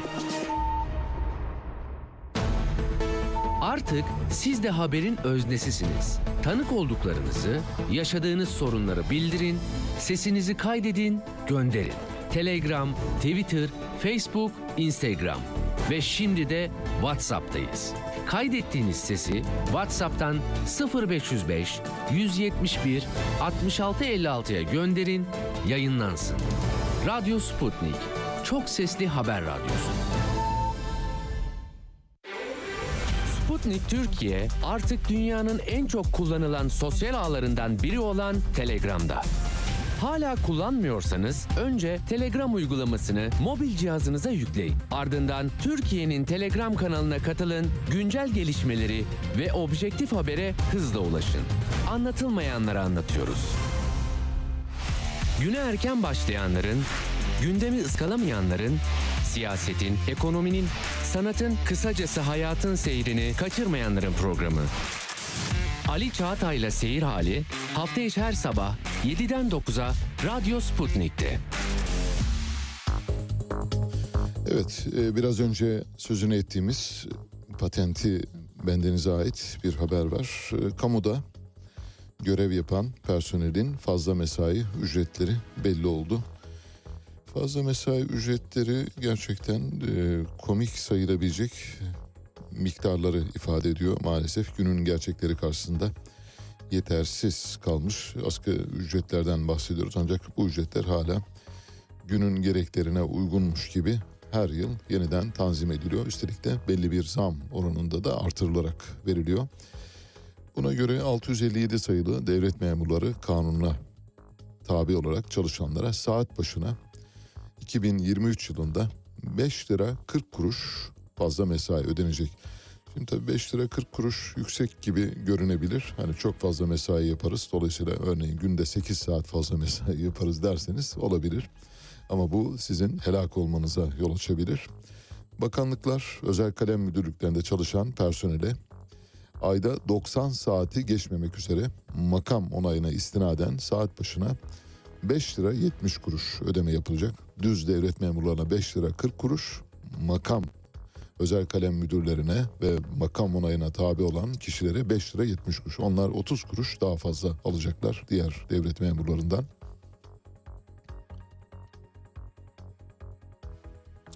Her bir makam için aylık toplam 450 saati geçmemek üzere genel müdür ve daha üst birim yöneticileri, strateji geliştirme başkanları, vali, general, amiral rütbesinde olan kişilere ise 90 saati geçmemek üzere ayda 5 lira 70 kuruş fazla mesai ödenecek. Koskoca amirallere, generallere saatte 5 lira 70 kuruş bozdur bozdur harca.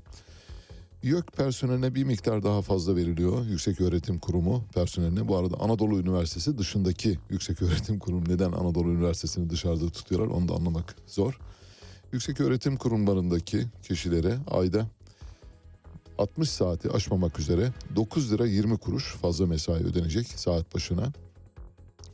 Boğaziçi Kandilli Rasathanesi ve Deprem Araştırma Enstitüsü'nde çalışanlara da toplam 110 kişiyi geçmemek üzere. Orada da kişi sayısıyla sınırlanmış aynı zamanda. Saat de sınırlı. 60 saati geçmemek üzere orada çalışan 110 kişiye toplam 505 lira 40 kuruş saat ücreti ödenecek fazla mesai.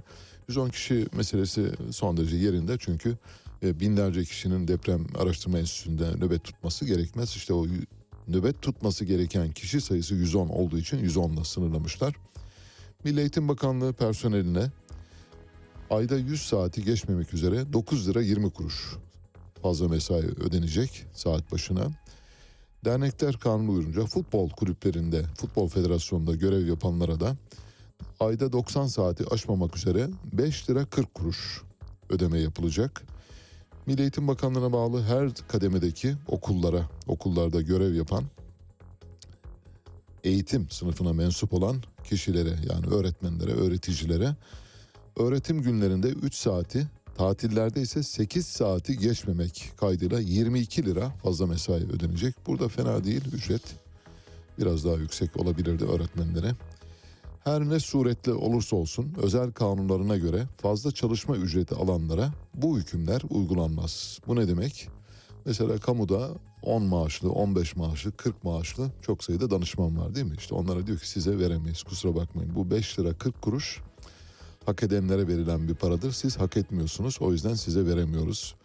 Kamuda eğer sözleşmeli personel olarak ya da bir e, özel statüye tabi olarak herhangi bir yerden işte temettü, huzur hakkı, fazla mesai, şu ya da bu maaş adı altında maaş alıyorsanız 40 yerden şu anda kamuda 40 yerden maaş alan hala çalışanlar var. Onlara ödemeyecekler. Onlara haksız bir muameleye tabi tutuyorlar. İşte devlette adalet böyle işler. Adaleti sağlamak için onlara vermiyor. 5 lira 40 kuruştan mahrum ediyor. Belediyelerdeki fazla mesai de şöyle tanzim ediliyor. Nüfusu 10 bine kadar olan belediyelerde çalışan personele 715 lirayı geçmemek üzere aylık fazla mesai ödenebiliyor. En fazla ayda 715 liraya. Nüfusu 1 milyonun üzerinde olan belediyelerde ise bu miktar aylık 1325 lira fazla mesai. Tabii yaptığınız takdirde fazla mesai yapıyorsanız alıyorsunuz, yapmıyorsanız o yok. Ankara, İstanbul, İzmir büyükşehir belediyelerinde en yüksek fazla mesai uygulanıyor. Bu belediyelerde 1760 lira aylık fazla mesai ödemesi yapılacak.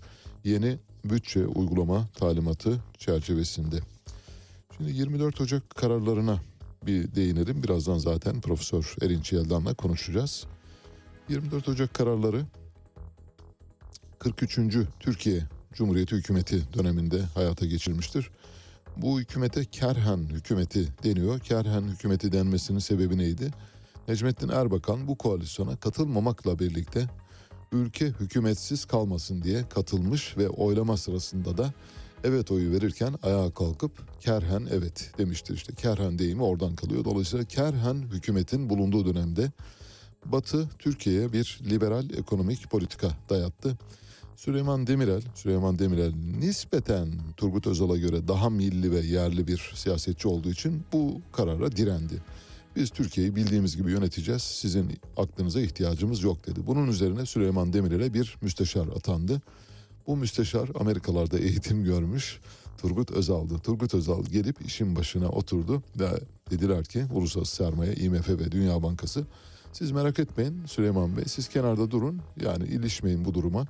Biz Turgut Bey'le bu işi yapacağız dediler.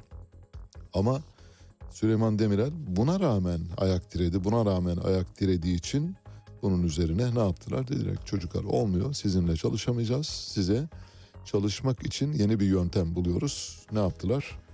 Ekonomik tetikçinin anılarında, itiraflarında John Perkins ne diyor? Eğer bir ülkeyi kaynaklarını sömürmek için kullanmak istiyorsanız, bir ülkeye egemen olmak istiyorsanız, uluslararası sermayeden bahsediyor. Şöyle yaparsınız, üç aşamalı bir plan var. Birinci aşamada ülkeye bir heyet gönderirsiniz. Bu heyetin içinde ekonomistler, finansal analistler, mimarlar, mühendisler, altyapıcılar, üst yapıcılar, e, şehir planlamacıları ve herkes olur. Bu heyet gelir ülkenin başbakanı ya da yetkili olan kişiye der ki sizin ülkenizi kalkındıracağız. Nasıl kalkındıracaksınız? Eğer ülkenizde şu şu şu yatırımları yaparsanız ülkeniz bu kadarlık zaman dilimi içinde sizin öngördüğünüz kalkınmanın iki katına yakın bir kalkınma sağlayacak. Kalkınmadan kastımız büyüme tabii. Bu ikna edici bulunursa start veriliyor ve ülkede altyapı yatırımları başlıyor. Türkiye mesela son 20 yıldır gerekli gereksiz, yerli yersiz çok sayıda altyapı yatırımıyla aslında bu kelepçeyi kendi kendine takmıştır. İşte ekonomik tetikçilerin Türkiye'ye öngördükleri muamele budur. Bu birinci aşama. Diyelim ki birinci aşamada siz ikna olmadınız. Heyet geldi size anlattı dedi ki bakın bu kadar yol yapacağız, bu kadar köprü, bu kadar baraj, bu kadar tünel, bu kadar otoyol ve ülke kalkınma hızınız şuraya çıkacak. Siz ikna olmadınız diyelim değil mi? Olmadı, olmayabiliyorsunuz. İşte Süleyman Demirel ikna olmadı. O zaman ne yapıyorsunuz? İkinci aşama John Perkins yazıyor kitaplarında. İkinci aşamada ekonomik tetikçiler devreye girer. Bildik anlamda suikastçiler, sniperlar, dürbünlü tüfeklerle ülkede belirlenen kişilere suikast düzenlerler. Turgut Özal'a düzenlenen suikast da bunlardan biridir. Kartal Demirağ tarafından serçe parmağından vurulmuştur bildiğiniz gibi. O suikast Turgut Özal'a gözdağıydı. Turgut Özal bile yanlış bir yöne doğru gidildiğini gördü. Artık buna isyan etmesi gerektiğini düşündü ve IMF ve Dünya Bankası'nın politikalarına karşı durmaya karar verdiği gün vurdular, uyardılar. Ondan sonra tekrar düzeldi. Tekrar ikna oldu. Bir mermiyle serçe parmağına isabet eden bir mermiyle ikna edildi.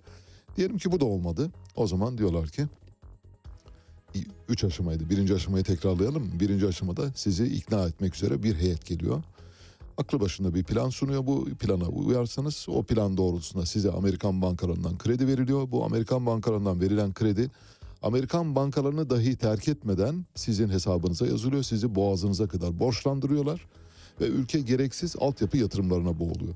Diyelim ki ikna olmadınız. Bu defa tetikçiler devreye giriyor. Sizi ikna etmek üzere devreden çıkarıyor. Yani söz konusu kişileri ya uyarıyor ya öldürüyor. Bu da olmadı. O zaman şunu yapıyorlar. Eğer ülkenin ordusu güçlü bir orduysa, kuvvetli bir orduysa orduyu siyasi iktidara karşı darbe yapmaya yönlendiriyorlar. Ordu darbe yapıyor Türkiye'de olduğu gibi. Eğer ordusu kuvvetli değilse Irak'ta ve Libya'da olduğu gibi bu defa Amerika doğrudan bizatihi geliyor. Amerikan çizmeleriyle ülkenizi işgal ediyor ve planı uygulamaya koyuyor. Ülkeler böyle yönetiliyor. Ülkelerin bir yönetme e, şeyi var, e, haritası ya da bir planı var. Bu plan tesadüfi değil. Bu planı bilen, uygulayan bir merci var. Olimpos Dağı'nın tanrıları onlar yönetiyorlar. İşte Türkiye 24 Ocağı bu hava içinde girdi maalesef. Ekonomik istikrarsızlık had safhadaydı. Kara borsacılık almış yürümüştü. Fiyatlar tırmanıyordu. Fiyatları kontrol etmek mümkün değildi. Ücretler de bu arada çok yetersiz. Halkın ödeme gücü sınırsız biçimde düşmüştü bugün olduğu gibi. Bunun üzerine serbest döviz kuruna geçilmesi tavsiye edildi. Türkiye kabul etmedi. Ancak 12 Eylül 1980 askeri darbesi olunca Türkiye ekonomisi tamamen libere edildi.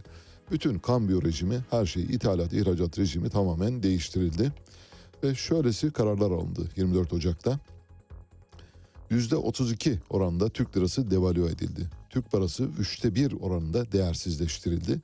Bir paranın devalüe edilmesi o ülke halkının fakirleşmesidir. Ne kadar devalüe edildiyse o kadar fakirleşiyorsunuz. Türk halkı bir günde 24 Ocak kararlarıyla bir günde yüzde 30 fakirleşti. Devletin ekonomideki payını küçülttüler 24 Ocak kararlarıyla. Kitlerdeki uygulamaya paralel olarak tarımsal ürünleri destekleme kararları ortadan kaldırıldı. Ne demek bu? O güne kadar buğday, arpa, yulaf, çavdar, patates, soğan eken iş, e, çiftçiye destekleme alımı veriyordunuz. Bunları kaldırın dedi. Gerek yok. Ekerlerse ekerler, ekmezlerse kendileri bilir. Dolayısıyla kendilerine yol vererek, kendilerine yol açmak için bu kararı aldılar ve tarımdaki sübvansiyonu kaldırdılar. 3. Gübre, enerji ve ulaştırma dışındaki bütün sübvansiyonları kaldırdılar. Gübredekini kaldırmıyorlar çünkü bir şekilde üretim yapılması lazım. O üretime aynı zamanda onların da ihtiyacı var. 4. Dış ticaret serbestleştirildi Türkiye'de. Yabancı sermaye yatırımları teşvik edildi. Kar transferine kolaylık sağlandı. Kar transferi nedir? Mesela Siemens Türkiye'de bir fabrika kuruyor Fabrika kurarken Siemens diyor ki ben karımın yüzde 85'ini ana ülkeye götürürüm. Bunu kabul ediyor musunuz? Ediyoruz. Tamam o zaman yatırım yaparım diyor işte. Kar transferi dediği bu. 12 Eylül 1980 askeri darbesiyle birlikte Türkiye yabancı şirketlerin kar transferine sınırsız yetki tanımıştır. Yurt dışı müteahhitlik hizmetlerine destek verilmesi karşılandı. Daha doğrusu kabul edildi. İthalat kademeli olarak libere edildi. İhracat vergi iadesi, düşük faizli kredi, imalatçılar ve ithal girdide gümrük muafiyeti gibi sektörlere göre farklılaşan bir düzleme getirildi. Böylece Türkiye kılçıksız bir balığa dönüştürüldü. Lop diye yutulabilecek hale geldi. Nitekim 12 Eylül darbesi zaten bunun için yapılmıştı. 24 Ocak kararlarıyla 12 Eylül darbesi arasında bağıntı kuramayanlar var. Eğer kuramadı, kuramayanlar varsa geriye doğru dönüp baktıklarında 24 Ocak kararlarının aslında 12 Eylül'le ne kadar bağıntılı olduğunu göreceklerdir. 12 Eylül olmasaydı 24 Ocak olmazdı. 24 Ocak kararları olmasaydı 12 Eylül olmazdı. İkisi birbirinden ayrı düşünülemez. Peki Türkiye devalüasyonla bir tek 24 Ocak'ta mı tanıştı? Hayır. Ondan önce de var. Mesela Adnan Menderes'in 5. hükümeti döneminde büyük bir devalüasyon oldu. 1958 4 Ağustos kararları diye biliniyor. 1958 4 Ağustos kararlarıyla Türkiye ekonomi tarihindeki ikinci büyük devalüasyonu yaşadı. Türk lirası Amerikan doları karşısında buraya dikkat lütfen. 2 lira 80 kuruştan 9 liraya çıktı. Nasıl? 3 kat neredeyse. 3,5 kat Türk lirası devalüe edildi. Yani Türk halkı 3,5 kez fakirleştirilmiş oldu. Ne zaman? Demokrat Parti iktidarı zamanında Adnan Menderes'in 5. hükümeti döneminde oluyor. Ama bu kararlar muaciyesinde herhangi bir yerde devalüasyon kelimesi kullanılmadı. Tıpkı Abdülhamit'in döneminde bazı kelimelerin kullanılmasının yasak olması gibi. Mesela Abdülhamit döneminde biliyorsunuz burun diyemezsiniz, Murat diyemezsiniz, Yıldız diyemezsiniz. Bütün bunlar Abdülhamit'i çağrıştırdığı için burada da devalüasyon diyemiyorsunuz. Çünkü devalüasyon kötü bir çağrışım yapıyor. Kararlar 4 Ağustos'ta Adnan Menderes hükümeti tarafından uygulamaya geçiriliyor. Türk parası 3,5 kat değersiz hale getiriliyor. Ama kararlar deklare edilirken devalüasyon kelimesi kullanılmıyor. Bu bir sansür yöntemi. 1956 yılında bu karara gelinceye kadar hükümet borçlarını ödeyemeyeceğini duyurdu. Yani moratorium ilan edeceğini duyurdu Adnan Menderes hükümeti.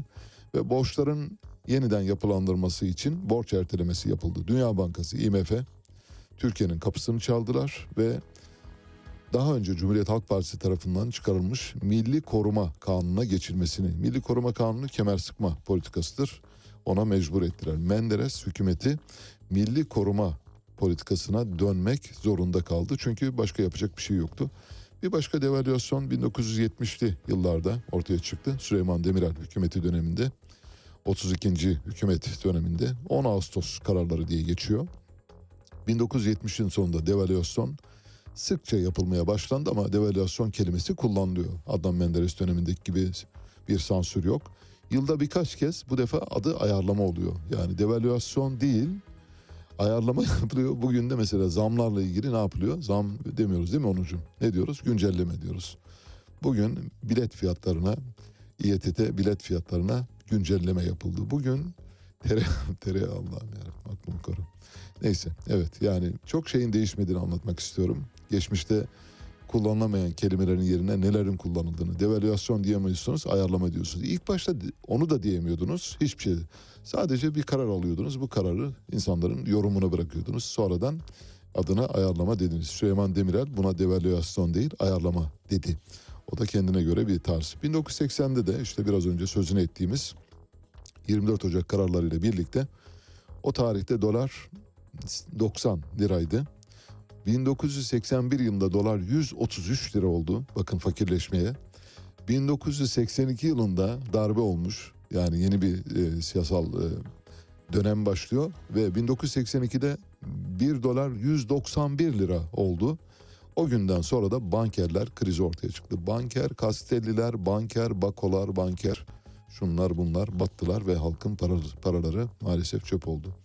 Sonra bir de şahane bir dönem var 94 krizi. 94 krizinin mimarı kim? Tansu Çiller. Tansu Çiller'i en son nerede gördük?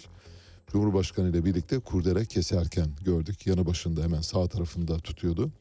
1994 krizi tüm zamanlar itibariyle Türkiye'nin gördüğü en büyük krizlerden biridir. Türk lirası yüzde 38, 40 demek lazım. Yüzde 40 devalüe edildi.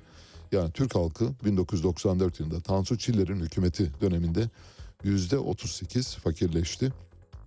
2001 yılında Türkiye dedi ki artık böyle olmayacak. Sabit kuru bırakalım, dalgalı kura geçelim. Şimdi dalgalı kura geçtik. 2023 yılının içindeyiz. Dalgalı kur rejimi var. Peki dalgalı kur rejiminde acaba kurun mesela 3 ay boyunca 18 lira bandında olmasına imkan var mı? Yok.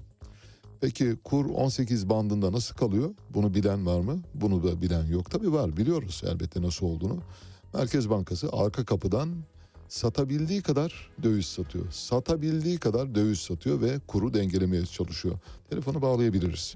Merkez Bankası arka kapıdan bu kuru daha doğrusu doları satarken doları nereden buluyor derseniz çok kolay.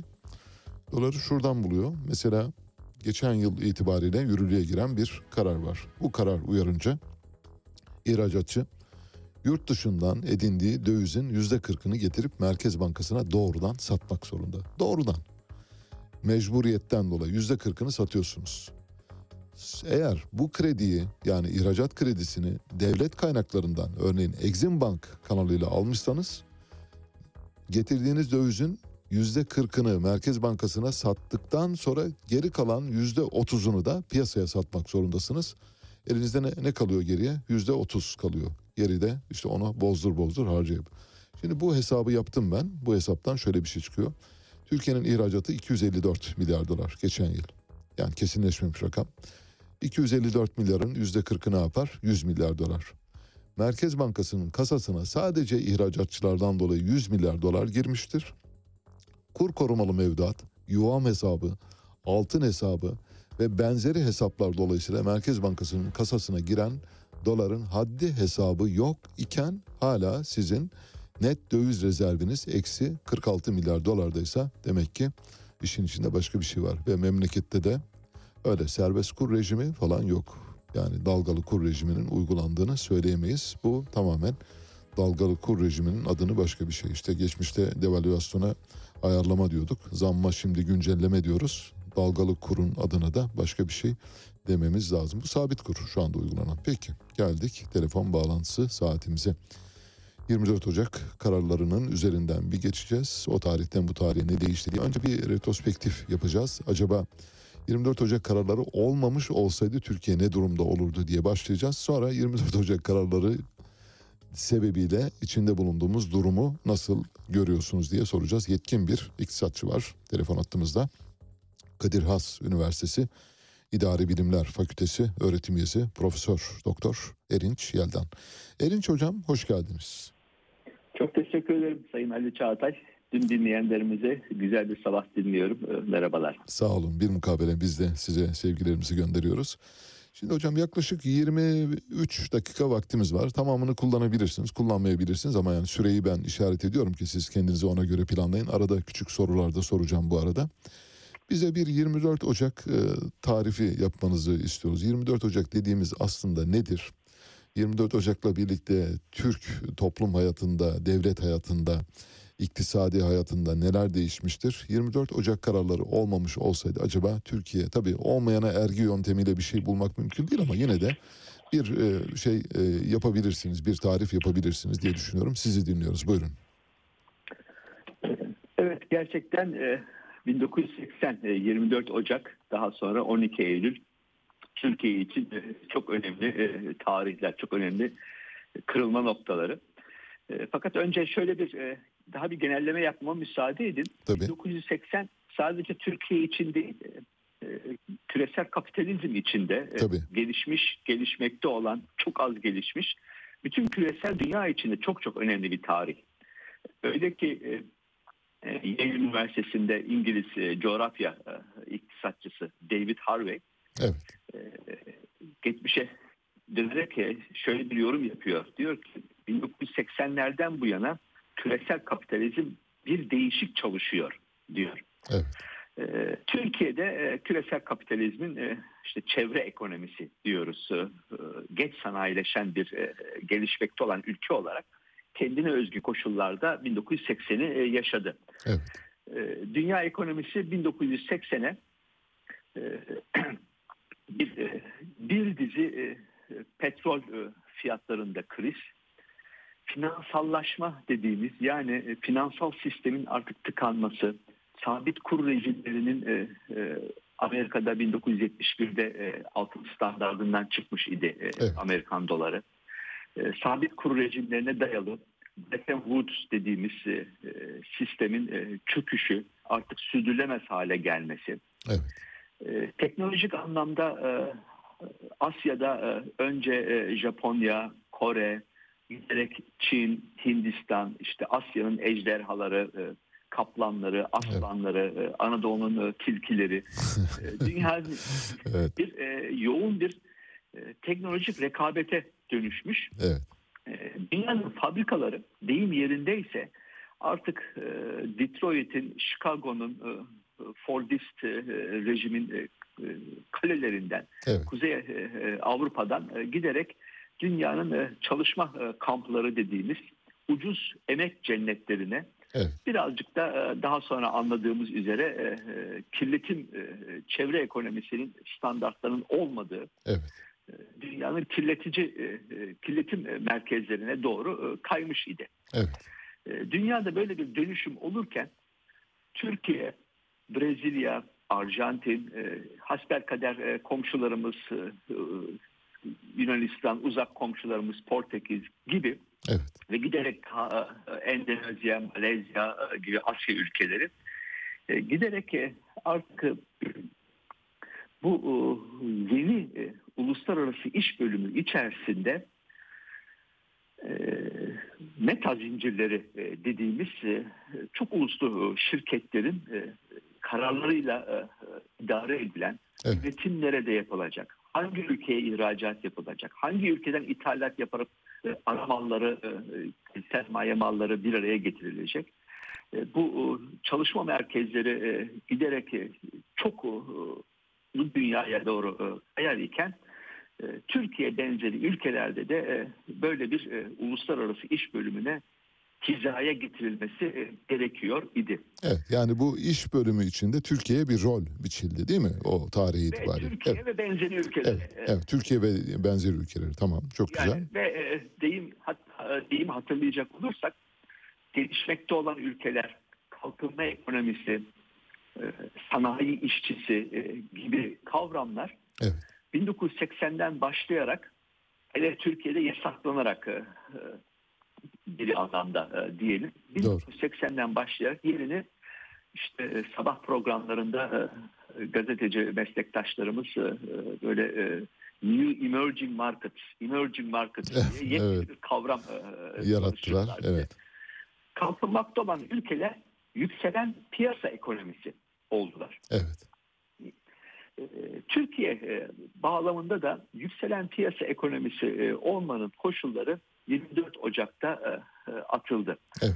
24 Ocak kararlarına bakarsanız derslerimizde böyle işte PowerPoint slaytlarımıza materyali koyuyoruz. Bir slaytlık malzemedir. E, 4-5 tane karardan oluşur. Evet. Yani şimdi oku, okuyabilirim. Okuyarak dinleyicilerimizin Yormayayım diyorsunuz. sabahleyin yormak istemiyorum. Tamam. Ee, Yani meşhur e, 24 Ocak kararları e, şimdi e, ne bileyim orta vadeli program yayınlanıyor örneğin. Evet. E, İşte sayfalar dolusu tablolar, grafikler, analizler, PowerPoint'ler. Evet. PowerPoint'ler, slaytlar, e, işte başkanın konuşmaları, bakanın e, konuşmaları diye. E, 24 Ocak'tan e, 4-5 madde e, vardır. Bir e, e, Türkiye'nin e, ithalat rejimi e, kotalar altında korunmaktaydı. Evet. Bu artık e, Kota kaldırıldı. ön, önce e, e, hatta şu dipnotunu düşelim. Önce kotalar kaldırılmıyor. E, neler ithal edilebilir e, e, kotası var. Evet. Buna dar kota deniyor. İşte şu, işte atıyorum kumaş şu kadar, şu kadar demir çelik, şu kadar petrol, şu kadar alüminyum gibi. E, pozitif liste var. Burada negatif liste. Yani şunlar ithal e, edilemez veya şu koşullarda ithal edilebilir dönüşüyor. Evet. Şimdi bu büyük bir rahatlama anlamına geliyor. E, kotalar e, yani Türkiye'nin tamamen e, daha e, tarife bazlı ve giderek de tarifelerin e, korumacının azaltıldığı koruma rejimine 1985'ten sonra geçiyor. Evet. Bu e, Özal yönetimine muazzam bir rant e, yetkisi veriyor. Evet. Kim ne kadar neyi e, nasıl İthal edebilirse. Evet. ithal edebilecek. Eskiden devlet planlama teşkilatına yıkılan bu e, eleştiri ve bu saldırı e, işte Ankara'nın bürokrasisi e, Ankara'dan ekonomiyi idare ediyor. DPT'ye yapılan bu saldırı aslında Turgut Özal'ın hatırlayacaksınız o dönem işte benim memurum işini bilir. Tabii. Papatyalar Köşeyi dönme ekonomisi. Evet. Evet, evet. Ee, Evet. Bunun enstrümanları olarak e, tam yetki e, e, tek bir kişinin elinde. DPT kuşkusuz devam ediyor. Merkez Bankası işte kambiyo rejimi daha serbestleştirilmemiş 24 Ocak'ta. Döviz tahsisinde Merkez Bankası'nın daha bir yetkin rolü var. Ama bütün bu yetkiler, bütün bu enstrümanlar doğrudan doğruya Türkiye'yi bu uluslararası iş bölümü içerisinde e, düşük teknolojili, ucuz emek, emeğe dayalı bir e, yeni bir e, uluslararası iş bölümü görevlendirilmesi üzerine düzenlenmesine yarıyor. Evet. Çok güzel anlattınız. Evet. E, 24 Ocak öncesi e, sürdürülebilir miydi? E, kuşkusuz e, uygulanan stratejiler, e, e, kurumlar, hedefler e, artık yıpranmış konumdaydı. Türkiye'nin bizim yaş kuşağımızda olanlar veya geriye dönüp o döneme ait belgeselleri, haberleri izleyen genç dinleyicilerimiz Türkiye'nin 1976-77'den sonra içine sürüklendiği hem siyasi hem iktisadi krizin boyutlarını neredeyse iç savaşa dönüşmüş bir e, terör ortamını e, çok iyi bilecekler, hatırlayacaklar. E, Tabii. Maalesef. ee, Türkiye e, 1961 anayasasından sonra işte 63'te e, bir planlı kalkınma e, stratejisi dönemlerine e, gidiyor ve e, adına e, teknik olarak ithal ikameci sanayileşme e, Evet. diyor. Nedir ithal ikameci? İşte yurt dışında e, rekabet e, sağlayana kadar bebek endüstriler, kendi makine sanayimizi, kendi demir çeliğimizi, kendi e, petrol kimya tesislerimizi, kendi enerjimizi e, yurt içinde daha maliyetli fakat e, daha güvenli yani yurt dışındaki dalgalanmalardan etkilenmeyecek Evet. yurt içinde entegre birbirine eklemlenmiş bir sanayi sanayileşme stratejisi kurulacak. Bu planlı hedefler çerçevesinde olacak ve devlet de bunun çok aktif düzenleyicisi, e, örgütleyicisi, yatırımcısı e, olacak. Olacak. Evet. Kit, kit sistemi e, bu amaçla kuruldu. Evet. Bir kaba genel genelleme yapılıyor bu tarihçe üzerine. Deniyor ki e, 1960'lı yıllar bu ithal ikameci sanayileşme dediğimiz stratejinin daha kolay ilk aşamalarıydı. Evet. İkamesini ettiğiniz sanayiler daha çok e, yurt içi girdiye bağlı, çok aşırı e, teknoloji kullanmayan, e, işte e, şeker fabrikaları, e, gıda tesisleri, Dokuma fabrikaları. Evet. Sümerbank, Evet. e, tüketim mallarına dayalı. Evet. Pazarı geniş, e, maliyetleri görece daha düşük, teknolojisi daha e, e, yalın diyelim. Fakat 1970'lerden sonra artık e, ithal ikameciliğin ikinci aşamasına geçmeye başladık. E, makine, e, e, motor, e, e, yüksek teknolojili e, e, sanayileri e, e, aşamasına geldi Türkiye. E, Evet. bu e, aşama e, e, dövize bağlı. E, Döviz girdisi yoğun. E, Hepsini Türkiye'de e, üretmek e, olası değil. E, e, Fakat dövizi kazanacak faaliyetimiz de yok. Evet. İhracat e, neredeyse e, çok güdük. İç pazara e, dayalı bir genişleme izliyorsunuz. Evet. Türkiye 1970'lerde bocaladı. şu bakımdan bocaladı. Uluslararası emsallerine baktığımız vakit e, biraz evvel saydığımız küme içerisinde örneğin bir Kore, e, bir Asya e, modeli işte Evet. Tayvan, Malezya, Singapur, evet. Endonezya, Filipinler ve şimdi giderek Vietnam'ı kapsayacak. İhracata yönelerek e, ithal ikameciliği derinleştirmek e, stratejisi yani stratejik ticaret politikasına yönelemedi. Evet. Bunun ardında çok tarihsel koşullar vardı. Ee, e, İşte dünya bir Latin Amerika ülkeleri de bunu beceremedi. Brezilya'da da olmadı. Arjantin'de de olmadı. Meksika'da e, e, petrol sayesinde bir parça bu iş e, ertelendi. Fakat e, e, Şili'nin e, tam e, e, Pinochet darbesine kadar Latin Amerika'da da bu dönüşümü gerçekleştirebilmiş bir toplumsal yapı yok idi. Şili'de dediğim gibi bu doğrudan doğruya faşist Darbeyle evet ikame edildi. Dolayısıyla sözü Türkiye'ye getirirsek Türkiye'de de bu dönüşüm kendi içinden kendi demokratik kazanımlarıyla değil doğrudan doğruya faşist 12 Eylül e, darbesiyle e, olası Evet. Arjantin'de böyle, Brezilya'da böyle.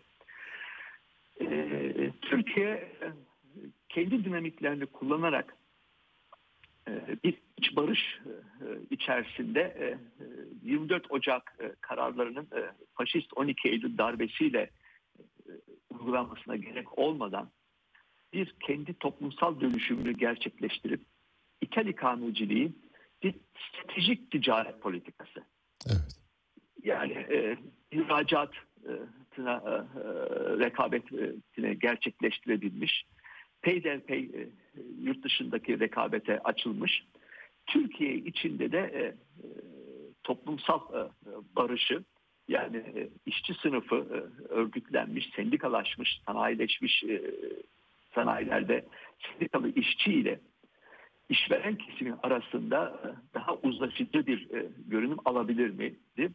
Bu biraz evvel e, konuşmamızın başında dediğiniz gibi yani olmayana indirgeme yöntemi Evet. elimizde ne yazık ki bunu tahayyül etmenin dışında Başka bir yöntem yok. Evet. sunduğu ipuçları dışında bu soruya kesin Yok cevap ama ama yapalım değil. biz peki. E, bu o günün koşulları altında e, Türkiye'yi hatırlarsak e, e, Türkiye'de e, sendikalaşma oranının yüzde 60'ın üzerinde olduğu Evet. toplu sözleşmeli, grevli e, e, sendikalaşma hakkının e, alabildiğince e, genişletildiği, kullanıldığı, e, dünyada da e, bir sol rüzgarın e, esmekte olduğu, işte 1968 e, Paris Evet. e, e, yaşanmış, onun arkasında Vietnam, Nikaragua e, devrimleri gerçekleşmiş. E, Amerika'da peş peşe e, işte Watergate e, skandalları e, ortaya çıkmış. Vietnam yenilgisi, Evet. Woodstock var bu arada tabii. Evet. Elbette, e, elbette. E, e, İran'da büyük bir dönüşüm olmuş. İran Gate skandalı diye e, İran'ın e, iç işlerine müdahalede e, nasıl uluslararası tekellerle Pentagon işbirliği yapmış, el altından silah satılmış. Yani dünyanın bir yerde e, yozlaşma e, e, ve e, bu yükselen rant e, e, hırsı gelişmiş gelişmekte olan ülkeleri e, hepsini e, sardığı bir dünya. E, burada da e, Türkiye'de çok sert sınıfsal rekabet, daha doğrusu sınıfsal çatışma e, e, artık ortada. E, 1 Mayıs mitinglerinde yüz binlerce insan alanlara toplanıyor ve insanlar kapitalizm sonrası toplumun hayallerini, tahayyüllerini zorlamaya başlıyorlar. Evet. ee, Dediğim gibi sendikalar Türkiye'de göreceli olarak çok güçlü ve e, e, o zamanın e, adı Devlet İstatistik Enstitüsü e, elde ettiğimiz veriler Türkiye'de reel ücretlerin 1976'da e, zirve yaptığı ve e, toplam milli gelir içerisinde de ücretli emeğin payının e, zirve yaptığı bir dönem olarak görülüyor. Evet. E, bu bakımdan e, bu dönüşümü e, e, sağlarken Türkiye'de karların sıkışması ve döviz kriziyle beraber sermaye gelirlerinin mutlak anlamda gerile, gerilediği bir döneme sermaye kesiminin uluslararası sermayenin de desteğini alarak çok uluslu şirketlerin de desteğini alarak bu dönüşümü e, bir yerde faşist bir darbe e, özlemiyle e, gerçekleştirilmiş olması o zamanın tarihsel koşulları içinde anlaşılabiliyor. E, 12 Eylül'de malum anayasa değiştirildi. İş yasasının çok önemli maddeleri değiştirildi. Sendikaların grev ve toplu sözleşme hakları elinden alındı. Evet.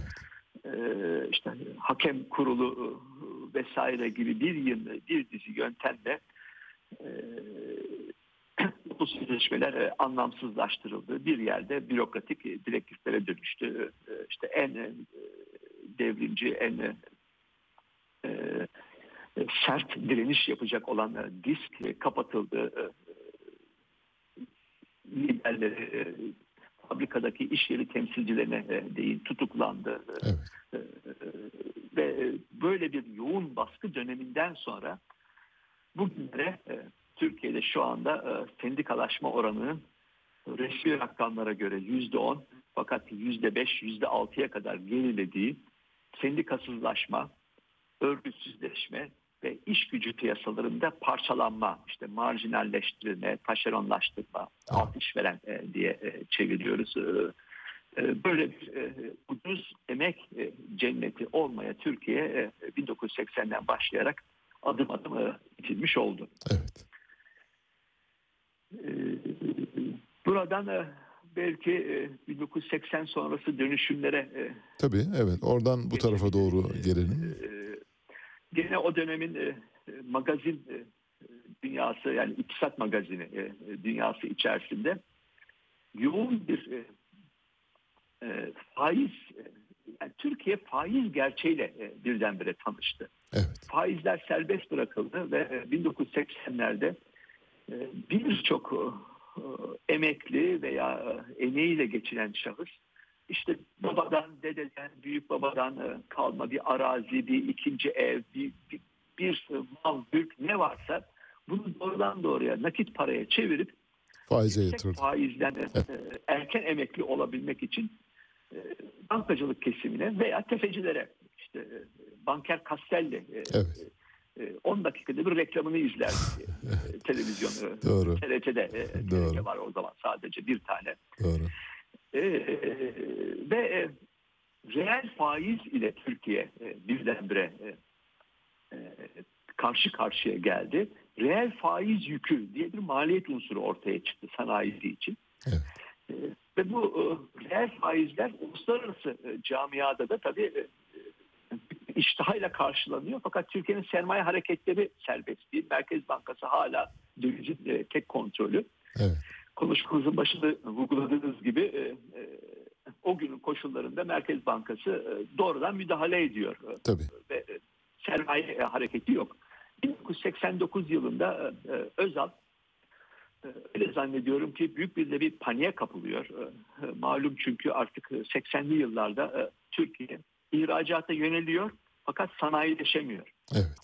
Kendi sanayisini kuramıyor. Kendi teknolojisini yaratamıyor. Bu bahsettiğimiz nedenlerden dolayı. Anladım. Bu papatyalar, benim memurum, köşe dönme gerçekten reel bir planlama ve reel bir sektörel yatırımdan ziyade Evet. e, günün e, rant koşullarını e, değerlendirmek ve e, aynı bugün olduğu gibi o zaman da iktidara yakın şirketlerin e, zenginleşmesi Evet. e, Türkiye'nin e, bir e, sanayileşmesinin e, önündeki en büyük engel. E, referandumu ka- da e, yasaklanmış olan Demireller, Ecevitler, e, işte e, Erbakanlar e, tekrardan siyaset sahnesine geri dönüyorlar. Evet. Özal paniğe kapılıyor.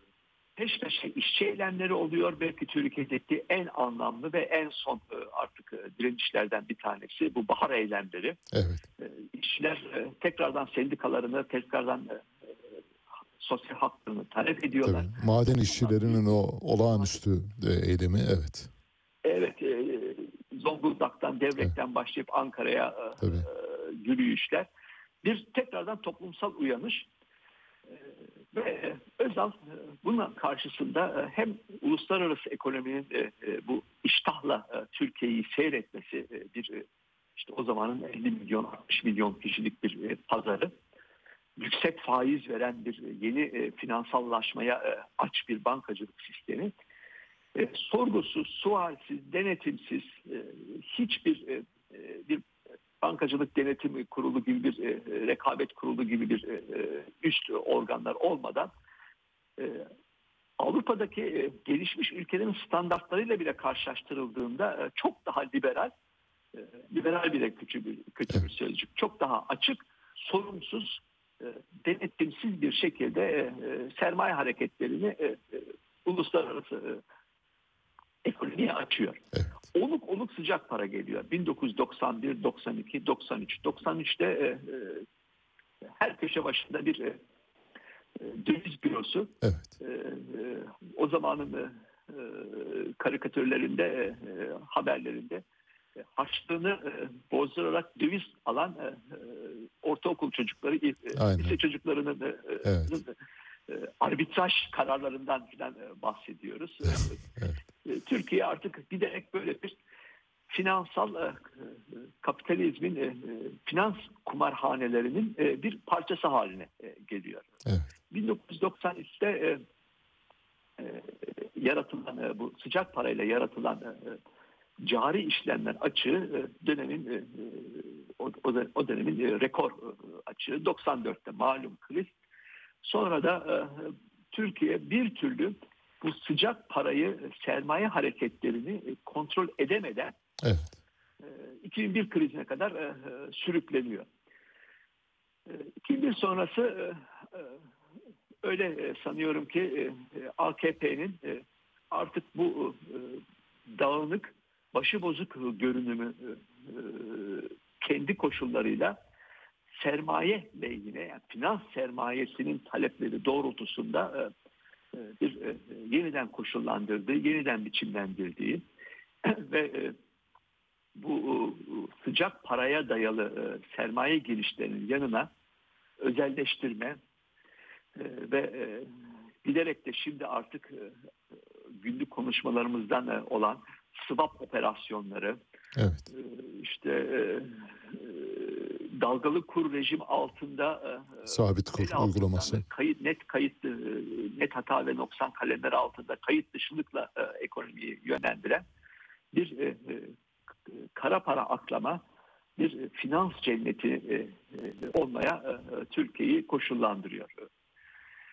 E, 24 Ocak e, bu e, uzun öykünün e, çok kritik e, adı E, ve e, 24 Ocağı bambaşka bir şekilde e, kendi e, e, ulusal tasarruflarımıza, ulusal kaynaklarımıza dayandırarak ama uluslararası arenada e, e, rekabetçiliği e, sağlayarak e, kendi e, e, sanayi teknolojilerimizi yaratarak e, kurgulayabilir miydik? E, e, Kur'ansal olarak elbette kurgulayabilirdik. E, Devlet Planlama Teşkilatı'nın e, yanına e, bir e, rekabet kurulu, bir teknoloji e, e, enstitüsü, e, TÜBİTAK'ın e, olanaklarını üniversite, sanayi, e, işbirliğini e, o zamanlardan daha planlı bir şekilde e, kuşkusuz gerçekleştirebilirdik.